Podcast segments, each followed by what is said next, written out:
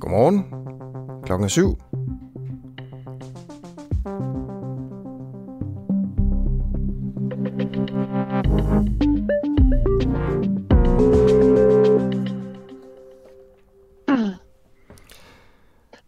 Hallo? Hej Clara. Godmorgen. Godmorgen. Øh, Du er live igennem i radioen, og til jer lyttere kan jeg lige sige godmorgen, og så kan jeg sige, at Clara Vind lige nu er foran Christiansborg ved den store trappe for gennem de næste to timer at fange socialdemokrater, som øh, går på arbejde for at spørge dem lidt ind til sms-slætningerne. Præcis. Ja. Hvordan ser, hvordan ser det ud lige nu, der hvor du er, Clara? Jamen, øh, her foran Demokratiets højborg er øh, solen ved at stå op. Der bliver gjort rent og gjort klar til, at politikerne kan sætte deres ben på trappen, og som jeg forhåbentlig, øh, og så jeg forhåbentlig kan snakke med dem. Øh, nu prøver jeg at stå her igen i næste to timer og fange dem til et lille spørgsmål, om de synes, det er vigtigt at finde ud af, hvornår Mette Frederiksen begyndte at slette sine sms'er, og hvem der rådgav hende til det. Ja. Øh, Hvis der er andre spørgsmål, som man mener er vigtige i forbindelse med, med sms'erne og Mink-sagen, så i øvrigt øh, skriv ind til, til mig og Clara ved at skrive en sms til 1245, så skriv DUA, D-U-A-H, mellemrum, og, øh, og så, så den besked, man vil, man vil sende til os. Clara, du var der også i går, og hvordan ja. Ja. var det det, altså bare en lille opsummering, hvordan gik det? Jamen, øh, der kom ikke så mange. Øh, jeg tror, at de eneste fra Socialdemokratiet, jeg egentlig fik fat i, var Mogens Jensen og Rasmus Stoklund. Øhm, og de ville ikke rigtig snakke med mig overhovedet. Mm. Øh, fik jeg fat på Inger Støjberg, øhm, der sagde, at hun ikke havde slettet sms'er i hendes øh, ministertid. Og øh, Bertel Hårder, der også synes, det var vigtigt at komme til bund til den her sag. Så jeg håber i dag, at der er lidt flere, der kommer, og måske, øh, ja, inden for, mm. inden for det næste snart. Øhm, og bare lige for at sige, at øh, grunden til, at vi gør det, hvis der er nogen, der sidder og undrer sig, hvorfor, hvorfor, hvorfor i alverden bruger vi, øh, vi, vi ligesom krudt på at stå? Derude, det er jo selvfølgelig for at høre om... Vi forventer jo ikke et svar på, øh, altså, hvorfor slettede hun, hun sms'erne, hvor lang tid har hun gjort det, og, og hvem, hvem sagde, hun skulle gøre det. Det ved vi godt, at almindelige socialdemokrater ikke ved.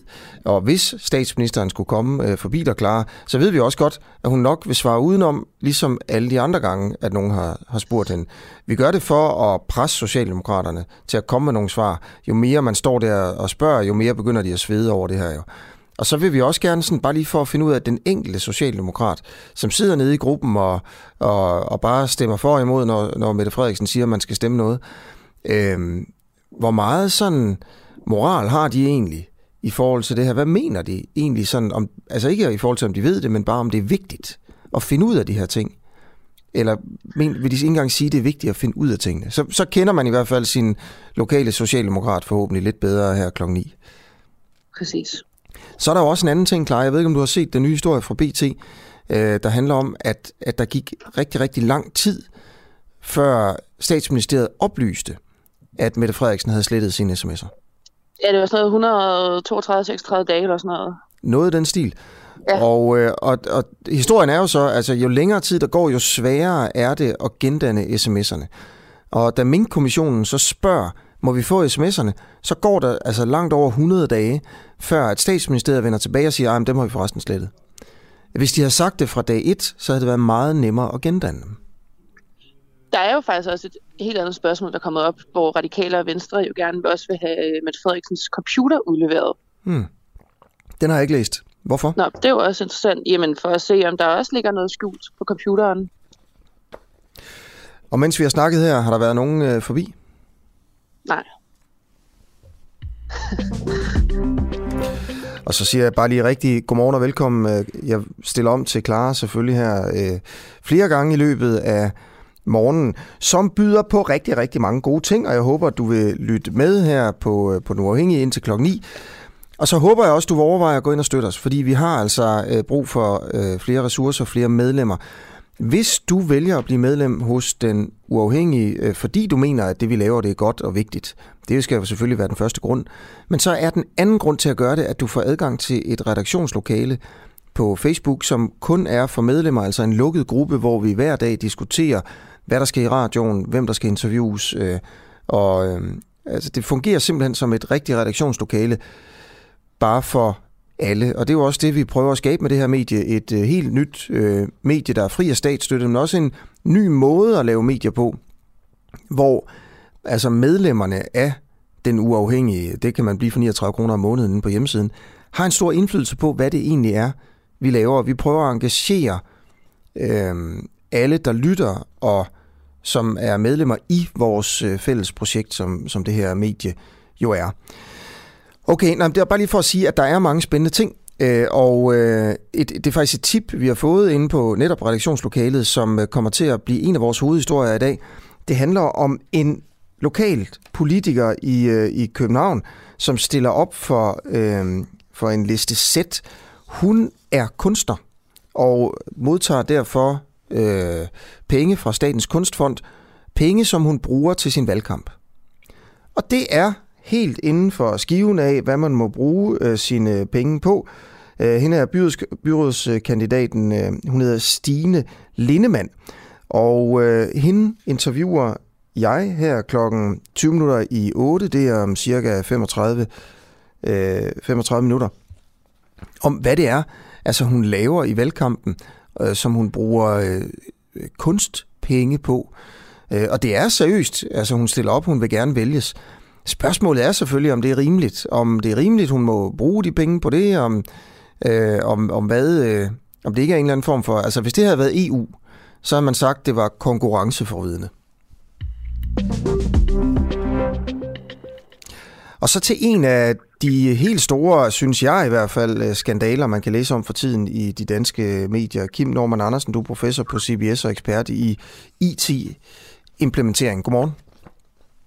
Øh, godmorgen. Godmorgen. Øhm, spørgsmålet her er, øh, altså hvorfor har staten brugt så enormt mange penge på konsulenter i et helt særligt tilfælde. 1,3 milliarder skattekroner har skatteforvaltningen indtil videre spenderet på eksterne IT-konsulenter, der skal udvikle et nyt system til at værdisætte ejendommen. Det er altså noget, som Berlingeren har fået agtindsigt i. 1,3 milliarder kroner på konsulenter. Kan du prøve at forklare os, hvordan sådan noget kan blive så dyrt? Øh, Ja, altså det er jo ikke sådan super usædvanligt, at IT-projekter de bliver lidt dyrere, end, øh, end man har planlagt dem til at være. Øh, det, det går tilbage til 2015, øh, hvor man besluttede, at det her skulle, øh, det nye såkaldte ICE-system skulle udvikles. Øh, og på det tidspunkt, der, der mente man godt nok, at det kunne være lidt risikofyldt, men øh, det skulle nok holde budgettet. Øh, stort set var man, var man ret sikker på. Øh, og det viser sig ikke at være tilfældet, så når vi står så her øh, godt seks år senere. Ikke? Så, øh, og det du så spørger om, det er, hvorfor øh, kan det ske?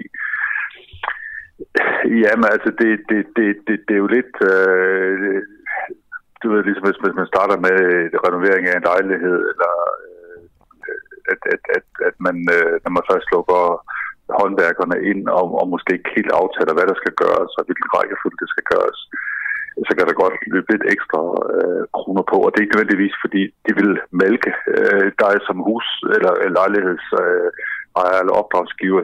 Det kan jo være, at finde på nogle nye ting, der skal laves undervejs. Og det er nok også det der tilfælde her. Altså det er egentlig ikke, fordi konsulenterne er er sådan pengeafpresser, øh, men, men lige så meget, fordi man ikke helt var klar over, hvad det var, man præcis øh, ville have undervejs. Mm. Altså, du er jo ikke ansvarlig for det her. Du er jo bare sådan en, en hvad kan man sige, en kommentator i den her sag, eller en observatør af, hvad, ja, hvad, ja, hvad, der, hvad der foregår, ja, ikke? Ja. Øhm, jo, men, vil du prøve at... Men alligevel 1,3 milliarder kroner øh, på, øh, på, på IT-konsulenter, som skal udvikle et nyt system til at værdisætte ejendommen. Øh, vil du prøve at fortælle, altså, hvad det er for et IT-system, og, og hvor langt man så er kommet efter at have brugt 1,3 milliarder på konsulenter? Ja, nu, altså nu, jeg, jeg tror, det beløb, du refererer til der, det, det er vist ovenikøbet noget højere. Jeg tror ikke, alle øh, konsulenter øh, op, øh, udgifterne tager med i det, men, men, men altså... Øh, altså når man skal Hvad er det rigtige tal så? Undskyld.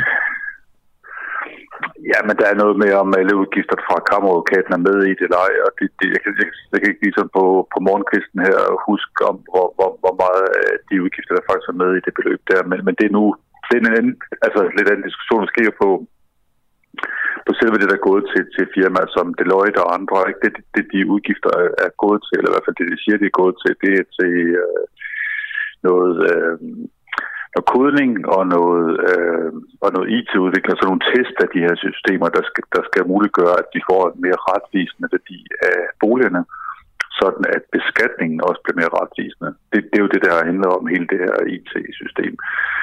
Altså, at vi har, øh, vi har nogle politikere, der er ivrig efter at sætte en ny øh, skattelinje øh, i kraft, sådan at, at man betaler mere en værdi af boligens faktiske, øh, undskyld, en skat af, af boligens faktiske værdi. Ikke? Og, og det er umådeligt svært, fordi hvad, hvad er en bolig egentlig værd? Altså det, det, det er en problem. Altså hvem skal afgøre det? Øhm, og det ikke mindst i Københavnsområdet, og det er jo vanskeligt, men i alle større byer, øh, hvad, hvad er de der øh, boligen? Øh, og det er det, det her IT-system skulle give svaret på. Øh, og der, der har man jo selvfølgelig stillet sig selv en lidt svær opgave. Alle, der, der bare prøver at få købt et, eller komme ind på boligmarkedet, eller øh, sælge og sådan ved, hvor vanskeligt det er at ramme den rigtige pris. Øh, altså, hvad, hvad, hvad, er, hvad er ens bolig værd? Og det er det, IT-systemet prøver at give det guddommelige svar på. Ikke? Og det, øh, der er de sat sig en rigtig, rigtig svær opgave fra starten af. Mm. Okay, så øh, er de færdige med det nu? Nej, det er jo så det. Det er derfor, jeg kalder det sådan lidt den guddommelige opgave, fordi man, man, man, øh, man, man øh, kører en masse test nu, ikke? og på den måde kan man sige, at man er tæt på målet. Øh, og det kan man sige, så er det jo positivt, om man bruger lidt ekstra penge på at blive helt færdig med det, ikke? Så, så det kan få det taget i brug. Ikke? Men, men, men man har jo så samtidig sagt, at, øh, at når det bliver sat i drift, så vil vi lave, eller så vil de lave, undskyld, så vil de lave en manuel øh, kontrol af alle de, øh, stort set alle de vurderinger, der bliver lavet. Øh, og det, det tyder så lidt på, at man ikke er helt, helt i mål, trods alt. Mm. Um, okay, ja. jeg, jeg er lidt spændt på at høre, hvordan du egentlig vurderer det her. Fordi jeg starter jo med at sige, at jeg, jeg tænker, at det her det er ekstremt mange penge, og øh, det kan ikke passe, det skal være så dyrt at, at lave sådan et, øh, et IT-system og bruge så mange penge på konsulenter, som vi ved jo, det er jo dyrere at hyre en konsulent, end at, end at, end at ansætte en. Øh, mm. Sådan på mm. teambasis i hvert fald. ikke. Og, og det her det er ligesom gået over gevind med, med konsulenthonorarerne. Øh, konsulenthonorar er jo også noget, som... Der er vel ikke en politiker i Folketinget, der ikke mener, at vi skal bruge færre penge på konsulenter i det offentlige. Øh, og alligevel så ser vi det her. Men det er så bare min udlægning. Man kan sikkert lave mange udlægninger. Hvad, hvad er din? Jamen altså, det, det, det, det er jo altid, øh, man kan jo altid have sin personlig holdning til det, ikke? og det er jo så den ene side af det, ikke? og så kan man have den anden med, om, om øh, det offentlige selv, hvad de har meldt ud, hvad de vil bruge konsulenttimer. Der har de jo sådan set sagt øh, i, i blandt andet skat, men, men at, at, øh, at de vil opbygge ressourcerne internt. Og, og derfor kan man godt sige, at det er lidt overraskende, hvis man skal bruge det ord, at, at, at, det, at det stiger, og at det stiger så kraftigt i, i, i den her udvikling mod, især mod slutningen af perioden af det sidste par år, at der virkelig øh, postet mange penge i, i konsulentdelen der. Ikke? Mm. Så, så, så det vil jeg hellere bruge ordet, det er overraskende, ikke? fordi det, det er rigtig, rigtig svært at stille sig som en eller anden absolut dommer til at sige, at det er også for dårligt, eller det er for meget, de bruger. Øh, det, det, det, det, det, det skal man nok med at kigge i, øh, hvad de præcis er blevet sat til, og det kommer lidt til at lyde også som om, at det er konsulenter, der er noget galt med, altså, øh, eller at det er nogle specifikke personer i skat. Altså, øh, det er i hvert fald ikke, altså man kan sige, det er i hvert fald ikke lykkes med kun at have internt til at udvikle det her. Det er jo i hvert fald helt sikkert. Øh, så på den måde er det, er det jo øh, også lidt sådan øh, tid til at selvrensagelse, om man overhovedet kan lave sådan en model med at bygge kompetencer op mm. i, i, i staten, der strækker gode og helt undvære konsulenter. Det, det, det tror jeg måske ikke, man kan. Nej, men det, det tror jeg heller ikke, der er nogen, der siger, at man helt kan undvære konsulenter. Øh, man har bare sagt, at man vil have udgifterne til konsulenter ned blandt andet i, ja. øh, blandt andet ja. i skat, så sker der det, at det er steget, og, og det stiger så meget, som det gør. Og man altså står her og har brugt indtil videre på noget, der endnu ikke er færdigt, 1,3 milliarder eller mere end det på et IT-system, der skal værdisætte ejendom. Øh, og, og det er altså gået 1,3 til konsulenter. Det er først og fremmest øh, til Visma Consulting og Deloitte. Deloitte har fået 470 millioner kroner, og Visma har fået 280 millioner kroner. Og det her IT-system, det er øh, endnu ikke udviklet også, som du siger, øh, til, at, til at håndtere mere komplicerede ejendomme, som for eksempel erhvervsejendomme. Der er man altså ikke kommet til endnu. Øh, nej, nej. Øh, og, og konsulenterne... Nej, det er ikke målet. Det er jo ikke... Nej, det er ikke i mål endnu. Ja, undskyld, men... Nej, det er ikke i mål endnu, men, men, men, men det siger jo sig selv, øh, at de er meget tæt på at være i mål. Øh, og og, og det, det, det, det er fuldstændig klart, at når man kigger sådan på historien med IT-projekter, så bliver man så også lidt nervøs for, om det nu så også er så tæt på mål, at det kommer ja. til at virke 100 procent. Det, det er klart. Det er klart. Selve prisen her. Nu er du jo øh, ekspert i IT-implementering. Mm. Altså en, en pris på indtil videre 1,3 milliarder kroner øh, til konsulenter for et IT-system, der som ikke, øh, som ikke er færdigt endnu, og, og det er jo bare til at vurdere bygninger, ikke bare bare, men altså det er jo ikke hele Skats IT-system, det er jo øh, ejendomsvurderingssystemet, øh, eller hvad man skal sige. Mm. Øh, mm. den pris, som vi har indtil videre, hvad er din vurdering af den? Øh, det, det, altså, jeg, jeg, jeg, du får ikke til at sige, om den er for høj, eller den, men det er i hvert fald en voldsom, øh, voldsom masse med, med penge, der, der er brugt på det. Og, og, øh, og det, det er nok så langt, som jeg vil sagt, at, at og det, det som, ja, nu er det jo nogle journalister fra Berlingske, der har søgt uh, aktindsigt i, hvad det er blevet brugt til, ikke? og det svar, de har fået fra Berlingske, det er blevet brugt til uh, test og IT-udvikling og, og kodning, mm. uh, eller kravspecifikation. Ikke? Og det kan man sige, det, det skal vi nok dykke lidt nemmere lidt længere ned i, at det kommer også til at gøre, ikke? Øh, hvad de egentlig bliver brugt til, før man kan svare på, om det er for ja. mange penge. Okay, så vil jeg spørge om noget andet. Øh, sådan en, en konsulent, det er jo noget, de siger, det vil bruge færre penge på, så det viser, at de har brugt flere penge på det. Øhm, ja. Hvad er argumentet for ikke at bruge så mange konsulenter? Øh, jamen altså, man kunne jo alternativt have øh, opbygge kompetence ind i staten. Ikke? Det, var, det var det, var man sagde, man ville gøre. Altså, hvis man, øh, Hvad er argumenterne for at gøre det? Jamen, argumentet for at gøre det er, at, at, at, at, at lønningerne bliver, eller undskyld, lønudgifterne bliver øh, i hvert fald på teambasis markant lavere, end når du har konsulenter inde. Ikke? Mm. Det, det er jo det, det er store plus, at man også har noget viden inden for at måske styre projekterne bedre internt. Problemet med at gøre det, det er, om de folk faktisk vil arbejde der, ja. øh, om de er på markedet. Det er okay. det, der er problemet. Okay, hvad, hvad koster uh, en, øh, en konsulent, der er på teambasis? Som i det her tilfælde vil du skyde på? Jamen, øh, der er lidt, der er lidt forskel på, nogle konsulenter vi taler om, hvis vi taler om øh, systemudviklere øh, som i den ene kategori, altså folk, der sidder ned og, og er hardcore udviklere, eller vi taler om folk, der skal hjælpe med at lave nogle test af systemerne.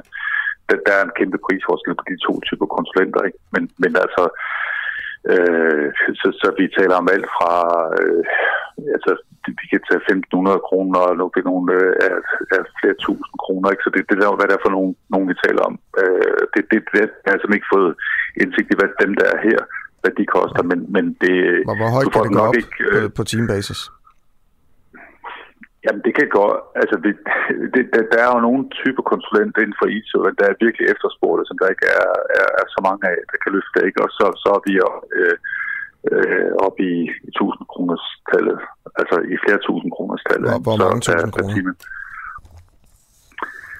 Øh, jamen altså, det, det, det, det, det, jeg ved slet ikke, om der har været, været den type speci, øh, høje specialister ind i det her, ikke? men, men, men øh, man kommer i hvert fald ikke langt for, for 1-2.000 kroner i, i det game, hvis det er de virkelig specialiserede. Ikke? Så, hvor, og det ligger jo op, langt, øh... langt fra.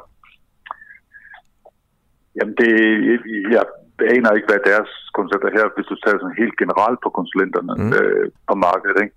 Jamen, hvis det er en meget konkret defineret opgave, og, og, og man kun er der i et begrænset antal timer, så taler vi jo om øh, øh, ja, faktisk mange tusind kroner. Så det, kan, det, det, kan, du, kan du sætte, er det ikke fordi, det er bare... Altså, kan du prøve, altså, ja, hvad, det, det, hvor, hvor højt kan det være, det, at, at en konsulent, hvor mange penge kan en konsulent egentlig få i timen, sådan max, hvad du har hørt om, jamen, i forhold til IT? Jamen, øh, men prøv, hvis du har, et, øh, hvis du har en IT-infrastruktur, der bryder sammen i en virksomhed, ikke, og det hele virksomheden ligger ned, mm. øh, og du, skal, du har en mand, eller man kan få fat i en person, der kan løse en opgave, ikke, så er villigheden til at betale for, for mm. den ydelse jo ja, rigtig ja. høj. Ikke? Der, der, det, det, det, det er som om, du, du hele tiden vil forsvare øh, nej, det offentlige, eller, eller IT-branchen, eller, eller det, det er jo bare et helt simpelt spørgsmål.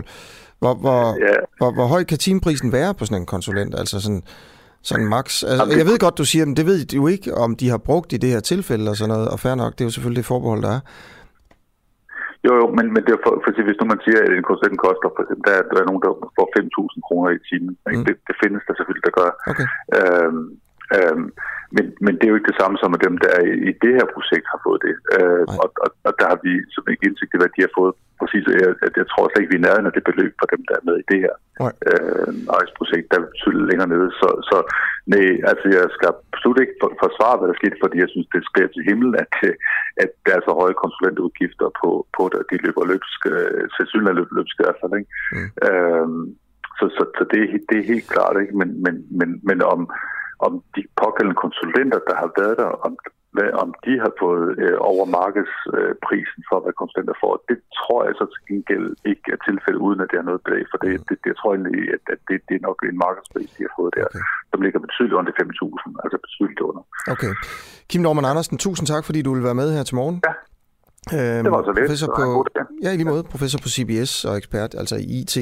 Implementering her til en historie om, at øh, Skatteforvaltningen har brugt indtil videre 1,3 milliarder kroner på IT-konsulenter for, øh, til at udvikle et øh, nyt øh, øh IT-system til at værdisætte ejendomme. Øh, de 1,3 milliarder kroner er forløbigt, fordi øh, projektet er ikke færdigt endnu, og øh, muligvis er der også allerede nu brugt mere på IT-konsulenter, som altså får flere tusind kroner øh, i timen. Øh, det på trods af, at øh, skat og andre offentlige institutioner jo egentlig har haft som målsætning at bruge meget færre penge på IT eller på konsulenter i det hele taget. Øh, fordi det jo bare er både billigere at hyre en person til at lave det fuld tid, men det er også, man får også en masse ekspertise af at gøre det ekspertise, som jo ellers bliver lagt ud i, i de her private selskaber som Deloitte og Visma Consulting.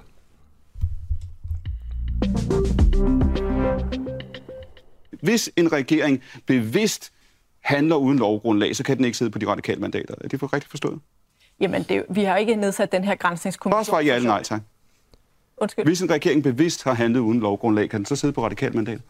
Vi tager stilling til, øh, hvad der skal ske, når grænsningskommissionen ja, det er fuldstændig Nej, for det prøver her. Når det er, at den grænsningskommission, den er nedsat, det er jo ikke for, for du siger, der kan godt være en situation. Der kan godt være en situation, hvor det kommer frem, ja, regeringen har handlet uden lovgrundlag, og den får lov at blive siddende på jeres stemmer. Jamen, øh, en regering har jo øh, handlet her uden lovhjemmel. Det er vi jo alle sammen bevidst, klar over. Hvis, hvis regeringen øh, bevidst har handlet uden lovgrundlag. Det er jo så netop det, og det var det, Morten der Og nu får du spørgsmålet en gang til, som jeg prøver en gang til. Jeg Hvis det godt gøres, at regeringen bevidst har handlet uden lovgrundlag, kan den så sidde på de radikale mandater?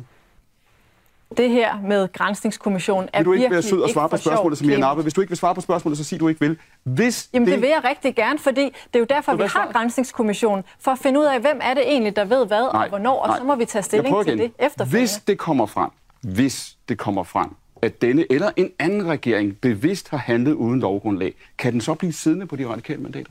Nej, vi skæver ikke til, om det er den ene eller den anden type øh, regering. Så så falder regeringen? Ja, for vi kigger ikke til, om det er den ene eller den anden farve regering. Altså, det, det, det er sådan, hvorfor tog det. det to minutter at sige, ja, den falder, hvis den bevidst har handlet hun lovgrundlag? Jamen, det synes jeg da også, jeg har sagt hele tiden, Clement. Altså, det er jo derfor, vi har den her grænsningskommission. Herfra skal der selvfølgelig bare lyde et stort tak til Clemen Kærsgaard fra øh, DR2, øh, som her interviewede de radikale, der jo faktisk endte med at sige, at hvis det nu er, at øh, Mette Frederiksen vidste, at det var ulovligt at slå mængden ned, men valgte, valgte at gjorde det alligevel, ja, så falder regeringen, så vil de radikale ikke længere støtte den socialdemokratiske regering. Vi har selvfølgelig her på Den Uafhængige fuld fokus på Mink-sagen og sms-skandalen med slette Mette og det hele. Øh, I løbet af det næste stykke tid, det er også derfor, at vores journalist Clara Vind er til stede på Christiansborg for simpelthen kun at snakke med Socialdemokrater. Hun står nede foran en store trappe, som man kender fra, fra tv, hvor øh, folketingsmedlemmerne altså møder ind her i løbet af af morgenen.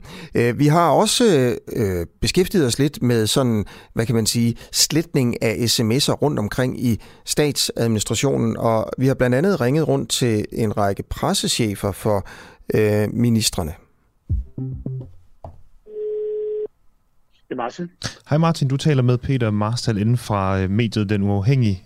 Jeg ringede til dig lige før, fordi jeg lavede sådan en rundringningen til ministerierne, mens jeg optager til udsendelse. Og det er egentlig for at høre, om jeg må spørge dig, om du sletter dine sms'er. Altså, og du, du optager mig nu, eller hvad? Lige nu optager jeg, ja. Eller du sender... Jamen, send, send mig lige en mail, så skal jeg nok svare. Okay. Men, men jeg tænker bare, kan, kan, altså som pressechef, om du så bare sletter dine sms'er, kan du ikke bare svare ja eller nej jeg på det nu? Jeg kan svare på mail. Bare, øh, bare send mig en mail på det, ikke også? Okay. Så, så svarer jeg selvfølgelig, jeg nok også gøre det hurtigt. Okay. Kommer du til at svare ja eller nej på mailen? det ved jeg ikke. Men send mig mailen, så, så svarer jeg på det. Det må også lige, hvordan du formulerer det. Fordi det, det, jeg må skulle lige se, hvad du, hvad du spørger om. Det, det, det er egentlig kun i dit virke som pressechef for, for Transportministeriet? Ved du hvad, send mig en mail på det, jeg skal nok svare, ikke også? Okay, det, er godt. det må jeg gøre. Det er godt, tak. vi snakkes ved. Hej hej. Ja, hej.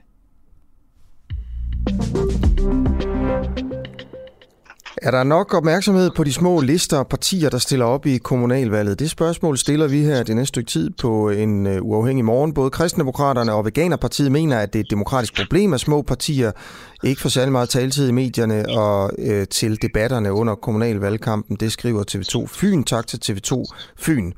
Øh, I den her uge på Den Uafhængige, der har vi sat os for at tale med de her små partier så, for at høre, hvad de vil. Øhm, og Bruno Clausen, vi tænker at starte med dig. Godmorgen.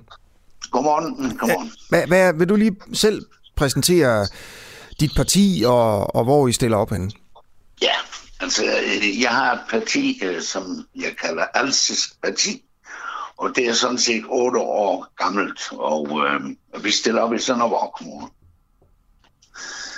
Og øh, ja, øh, det er jo øh, vanskeligt, som du lige indledt, indledt radioen med, på grund af, at, at øh, der er jo ikke rigtig nogen, det giver at, at høre, så, så det er jo en hård kamp, vi har.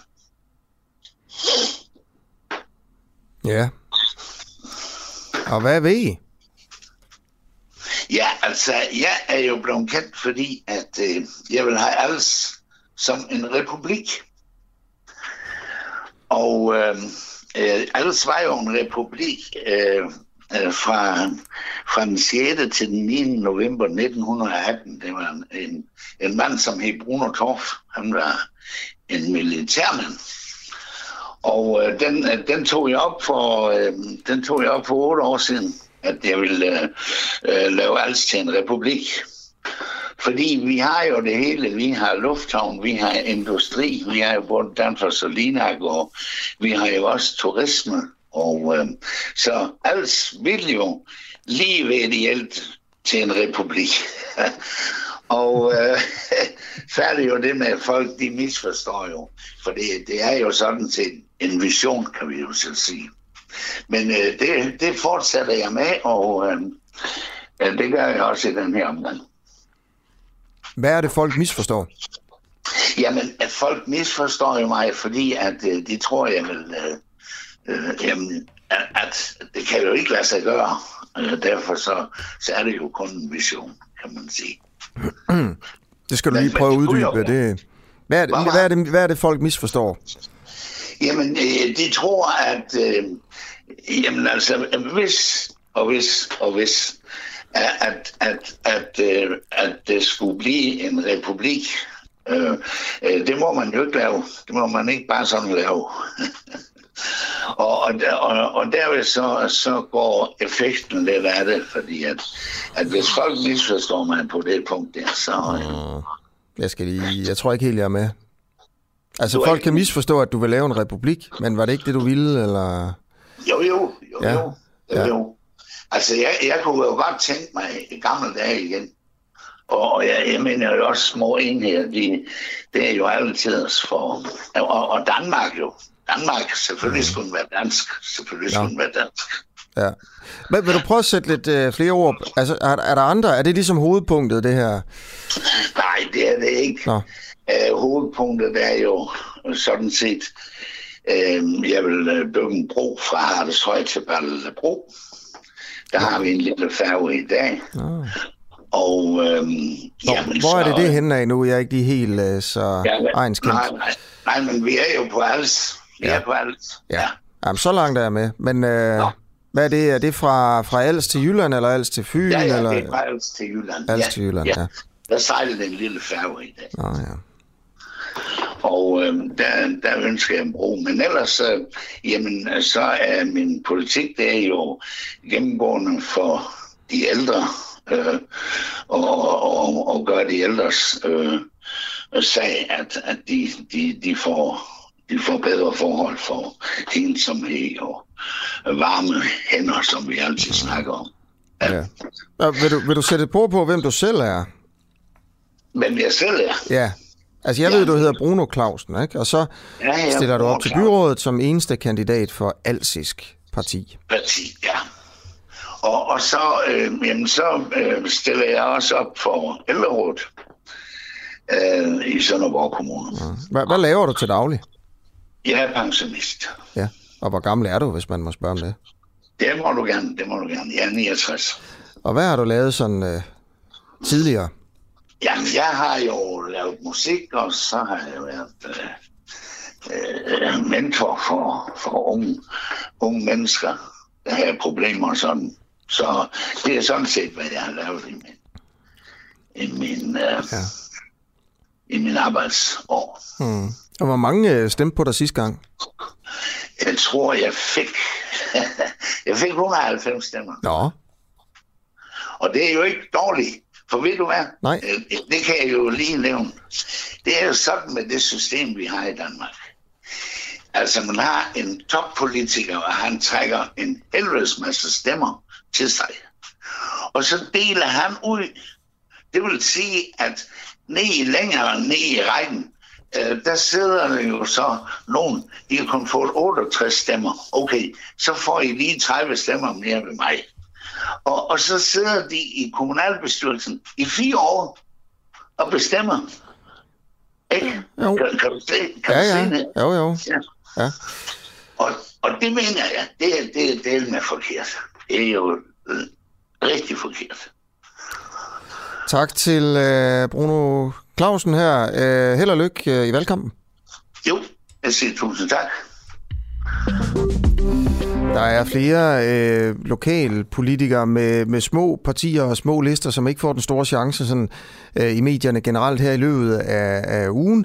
Øh, der er en tillegnet op til i morgen, og jeg er faktisk i tvivl om, hvem det er. Om 10 minutter, der skal jeg snakke med Stine Lindemann, der er byrådskandidat i København. Faktisk også for et sådan lidt lille parti, der hedder Rolig Revolution.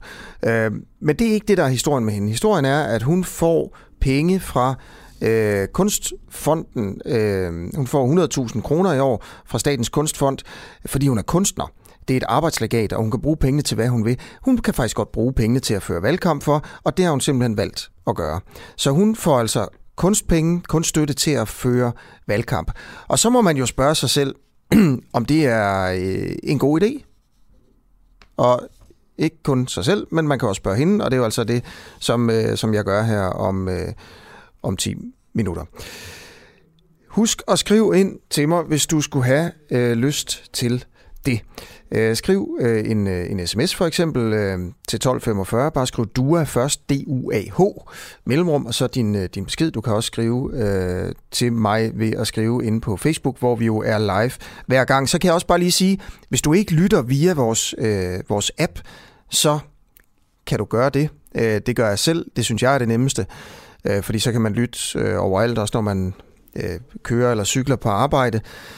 Øh, og det er jo simpelthen bare at gå ind og downloade den uafhængige som app, og der kan man altså lytte. Vi har øh, sådan nogle... Øh, sådan nogle funktioner, som man kan lytte live, ligesom man kan på, på, på DR's app og på alle mulige andre øh, apps, som det jo hedder. Så gå ind og download den uafhængige øh, på øh, der, hvor du downloader dine, dine apps. Og øh, jeg tager lige et par sms'er her øh, og beskeder. Marianne har skrevet på Facebook om øh, IT-skandalen, som øh, jeg talte om lige før. Altså, Skat har brugt indtil videre 1,3 milliarder kroner på konsulenter for at udvikle et IT-system, som skal vurdere ejendomme. Selvom øh, Skat havde sagt, at man vil bruge færre penge på, på de meget dyre konsulenter, der altså får øh, flere tusind kroner i timen, så har man så valgt af en eller anden grund, som vi ikke kender, at bruge flere penge på det. Øhm, og Marianne skriver, pointen er, at konsulenter skal hyres ind, men kun i en periode. Spørgsmålet er så, om seks år kan kaldes for en periode. Det kunne være snakken, frem for en timepris, som jo er den pris, et firma tager for en konsulentperiode. og en anden øh, skriver her, det er Michael fra København. kan sige af egen erfaring, at fødekæden desværre også er sådan, at hvis man i stedet for oplært nogen i staten frem for at købe en konsulentydelse, så headhuntes vedkommende typisk af et konsulentfirma, hvis vedkommende er dygtig nok. Det er et fact of life, givet af vores arbejdsmarked, øh, at det er så fleksibelt, som det er. Jeg siger ikke, det er godt, men vi er nødt til at indse dette vilkår og navigere derefter, skriver altså Michael. Øh, som jo siger her, jamen altså, hvis, hvis skat for eksempel i det her tilfælde hyrede nogle konsulenter selv og lærte dem op og brugte ressourcer på at træne dem, så gik der ikke lang tid, så var de hapset af Deloitte øh, eller et andet stort øh, konsulentfirma, øh, som så tog dem, måske gav dem noget bedre løn, løn, og derefter så hyrede dem ud til skat for mange, mange flere penge. Det virker absurd, og som Michael siger, det er bare sådan, det er. Øh, altså, det virker jo absurd der, der må kunne gøres noget andet end at hyre så mange øh, konsulenter, kunne man, øh, kunne man forestille sig. Okay, øh, jeg vil gerne øh, et lille smut til øh, tilbage til, øh, til, til Mink-skandalen, som, som det jo egentlig er. Politisk reporter for, for BT, Peter Sindbæk, godmorgen. Godmorgen. Godmorgen. Hele sidste uge, der rullede afsløringerne faktisk i Mink-kommissionen. Øh, det var jo i sidste uge, vi snakkede så meget, vi begyndte at snakke om sms'erne. Altså, Mette Frederiksen har slettet sin, øh, sin øh, sms'er systematisk fra, fra sin telefon, øh, og hun vil ikke svare på, om det var noget, hun begyndte på, da minkskandalen sådan begyndte at tage fart, og hun begyndte at blive presset der, begyndte hun så at slette sms'er. Det vil hun ikke svare på. Hun vil ikke svare på, hvem der sagde, hun skulle gøre det. Alle sådan nogle ting. Så vi snakkede bare sms, sms, sms. Men, men i fredags var der også to embedsmænd fra statsministeriet, som blev afhørt øh, i, øh, i sagen. Vil du prøve at sætte os lidt ind i, i det? Øh, ja, det, det kan jeg faktisk gøre, og det, er jo, og det er jo sjovt, fordi da man sad med i kommissionen i både, både torsdag og fredag, så var det jo, så sidder man jo og live-blogger, og man sidder meget fokuseret på, hvad der, der sker inde i selve forhandlingslokalet, men, men det her, det var første uge, hvor der virkelig skete meget øh, i kulissen, som, øh, som virkelig også gjorde det meget svært for os journalister, der sad inde til afhøringerne og holde helt fokus på, hvad der, var, der skete. Men det, du har ret, der var også folk i, øh, i stolen, både torsdag og fredag. Fredag helt konkret, der var det jo især øh, Kasper Lund Borg, øh, som er øh, funktionær i statsministeriet, og så Christian Liebing, der er tidligere som, som er nuværende departementsråd i, i statsministeriet, som blev, øh, som blev afhørt. Og der var i, øh, i høj grad mange spørgsmål til dem, som, som øh, måske ikke bidrog med et vanvittigt meget nyt, men som i hvert fald igen understreger den pointe, som mange, mange, mange embedsfolk har sagt øh, og forklaret om, mens de har siddet i, øh, i, øh, i, i stolen inde i, i afhøringslokalet, nemlig at det her det var en periode, der var præget af en vanvittig travlhed. Det var en periode, hvor beslutningerne blev truffet nærmest på timebasis, og at det altså igen og igen lagde et, et massivt pres på, øh, på det embedsværk, som skulle betjene regeringen i den her meget kritiske periode. Og det vi jo sådan prøver at finde ud af, sådan helt overordnet i, øh, i Mink-kommissionen, er jo, øh, om Mette Frederiksen eller nogle af de andre minister var blevet orienteret om, at det var ulovligt at beordre, at alle minkene blev slået ned øh, inden de to beslutningen. Altså om de bevidst handlede i strid med loven. Ja. Øhm, hvor hvor øh, er vi, altså, kom vi lidt nærmere det med de der to afhøringer, du, du taler om? Altså det, som, øh, som øh, Jakob Lund Poulsen, som jo er udspørger for, for kommissionen i den, i den her sag, han, han konstant gør, når han taler med mange af de her øh, embedsfolk, det er jo at sige sådan, det her det blev godkendt. Der var en masse forberedende møder. Blandt andet blev der også afhørt Cecilie Birk, som er tidligere, nu sidder hun i Rigspolitiet, men, øh, men tidligere var, var hvad kan man sige, koordinerende led i Justitsministeriet. Og hun sad især med de her dagsordner, der skulle sendes videre op til de forberedende øh, departementchefsudvalg. Så nu bliver det selvfølgelig lidt teknisk.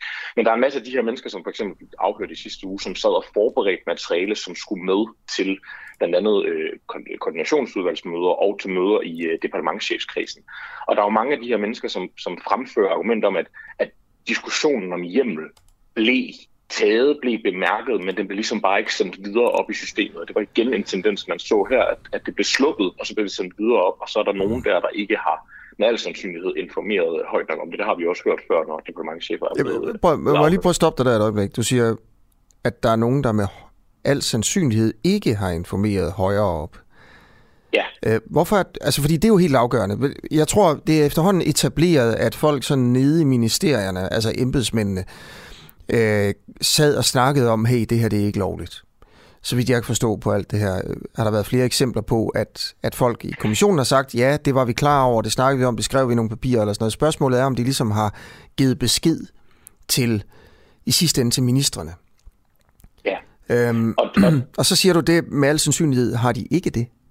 Eller, hvad, ja, eller hørte altså, jeg forkert? Sige, nej, altså man kan sige, det er jo selvfølgelig en, en, der er nogle nuancer her, man selvfølgelig skal huske at have med, men vi har jo haft allerede øh, to øh, departementchefer, altså folk, der har siddet med på de helt, det helt centrale kon- koordinationsudvalgsmøde, hvor beslutningen om at slå alle mink ihjel blev, blev truffet, altså 3. november øh, 2020. Mm. Og det har blandt andet været Henrik Studsgaard, som jo er en ret central figur øh, i og med, at han var øh, på daværende tidspunkt øh, departementchef i Fødevare, det daværende Fødevare- og Miljøministerium, og så øh, hvad hedder det, øh, departementchefen i Erhvervsministeriet. Og de har jo begge to sagt, at hjemmel ikke var noget, der blev diskuteret. Der var ikke en hjemmelsdiskussion på mm. det møde. Og dermed er det jo noget, hvor man skal meget, meget langt ned i nogle bilag for at se, jamen altså, er det noget, der rent faktisk har stået? Er det noget, ministerne har haft mulighed for at læse, inden mm. man rent faktisk træffede den her beslutning? Og de mennesker, der blev, der blev øh, afhørt i kommissionen i sidste uge, de fik jo også tegnet et billede af, at det er at de informationer, der har været overleveret blandt andet til for eksempel øh, erhvervsminister Simon Koldrup, som nu også er blevet indkaldt som, øh, som vidne i, i kommissionen, at det er noget, der har stået meget langt ned i nogle bilag. Og der, kan man, der var der også nogen, der sagde, at det, det er ikke altid øh, fuldstændig øh, klippefast, at alle de her bilag bliver læst, specielt ikke, Nej. når man og en eftermiddag kl. 15-16 stykker, for at vide, at der skal være KU-møde kl. 21-21.30 om aftenen. Det var i hvert fald den KU-møde, hvad er det? Koordinationsudvalget. Ah, og det er der beslutningen ja. bliver taget. Har man egentlig et referat fra det afgørende møde i koordinationsudvalget, hvor beslutningen om at slå mængden ned blev truffet? Mm, Nej, for af en eller anden formmæssig øh, årsag, der bliver der faktisk ikke taget øh, hvad kan man sige, referat af koordinationsudvalgsmøder. Og det var også noget, som er, der, blev, der blev stillet spørgsmålstegn ved. Ja, er det usædvanligt? Ja, det er historisk set ikke usædvanligt. Det plejer der sådan set ikke at blive gjort. Okay. Men det bliver bare udstillet, når man så spiller spørgsmålstegn. Hvorfor egentlig? Så blev svaret, øh, så sveder det lidt i vinden. Hvorfor er det egentlig, at man ikke gør det, når det lige præcis er så fuldstændig centrale øh, beslutninger, der bliver truffet på de her møder? Okay. Peter Sindbæk, tusind tak, fordi du vil øh, være med til lige at opdatere os lidt på, øh, på de seneste afhøringer i øh, Mink-kommissionen. Hvad er det næste, der sker? Jamen i den her uge har vi igen igen øh, afhøringer af en række øh, embedsfolk, men nu lader vi ligesom lidt op til, at de ikke i den her uge, men næste uge igen, der begynder ministre, øh, tidligere minister Mogens Jensen skal, skal afhøres, og det er også en del af hans embedsfolk, der skal afhøres i, i de dage, der, der kommer nu her. Så det, er, det bliver meget interessant at følge. Tusind tak, fordi øh, du var med, Peter Sindbæk, politisk øh, reporter på BT, som jo har været det bedste medie, det kan vi lige så godt bare sige, til alt det her om... Øh, øh, om, øh, om, om minkskandalen, og især øh, har BT jo afsløret det her med sms'erne, altså at Mette Frederiksen automatisk øh, og systematisk har slettet sine sms'er i en længere periode, og at hun har tøvede i over 100 dage med at sige til Mink-kommissionen, at hun faktisk sletter sms'er. Selvom de jo havde spurgt, så gik, skulle der gå mere end 100 dage, før at statsministeriet vendte tilbage og sagde, ja, øh, vi har faktisk slettet dem. Og det er jo fuldstændig afgørende, fordi jo længere tid der går, jo sværere er det at gendanne sms'erne. Og det er jo noget, som politiet nu er inde over øh, og, og skal forsøge at gøre fuldstændig vanvittig sag, øh, det her. Og den seneste afsløring fra BT er jo det her med, at der er gået så lang tid, før at statsministeriet egentlig siger til Mink-kommissionen, ja, vi har sgu slettet de sms'er, I har bedt om. Hvorfor i alverden bare ikke sige det sådan ret hurtigt?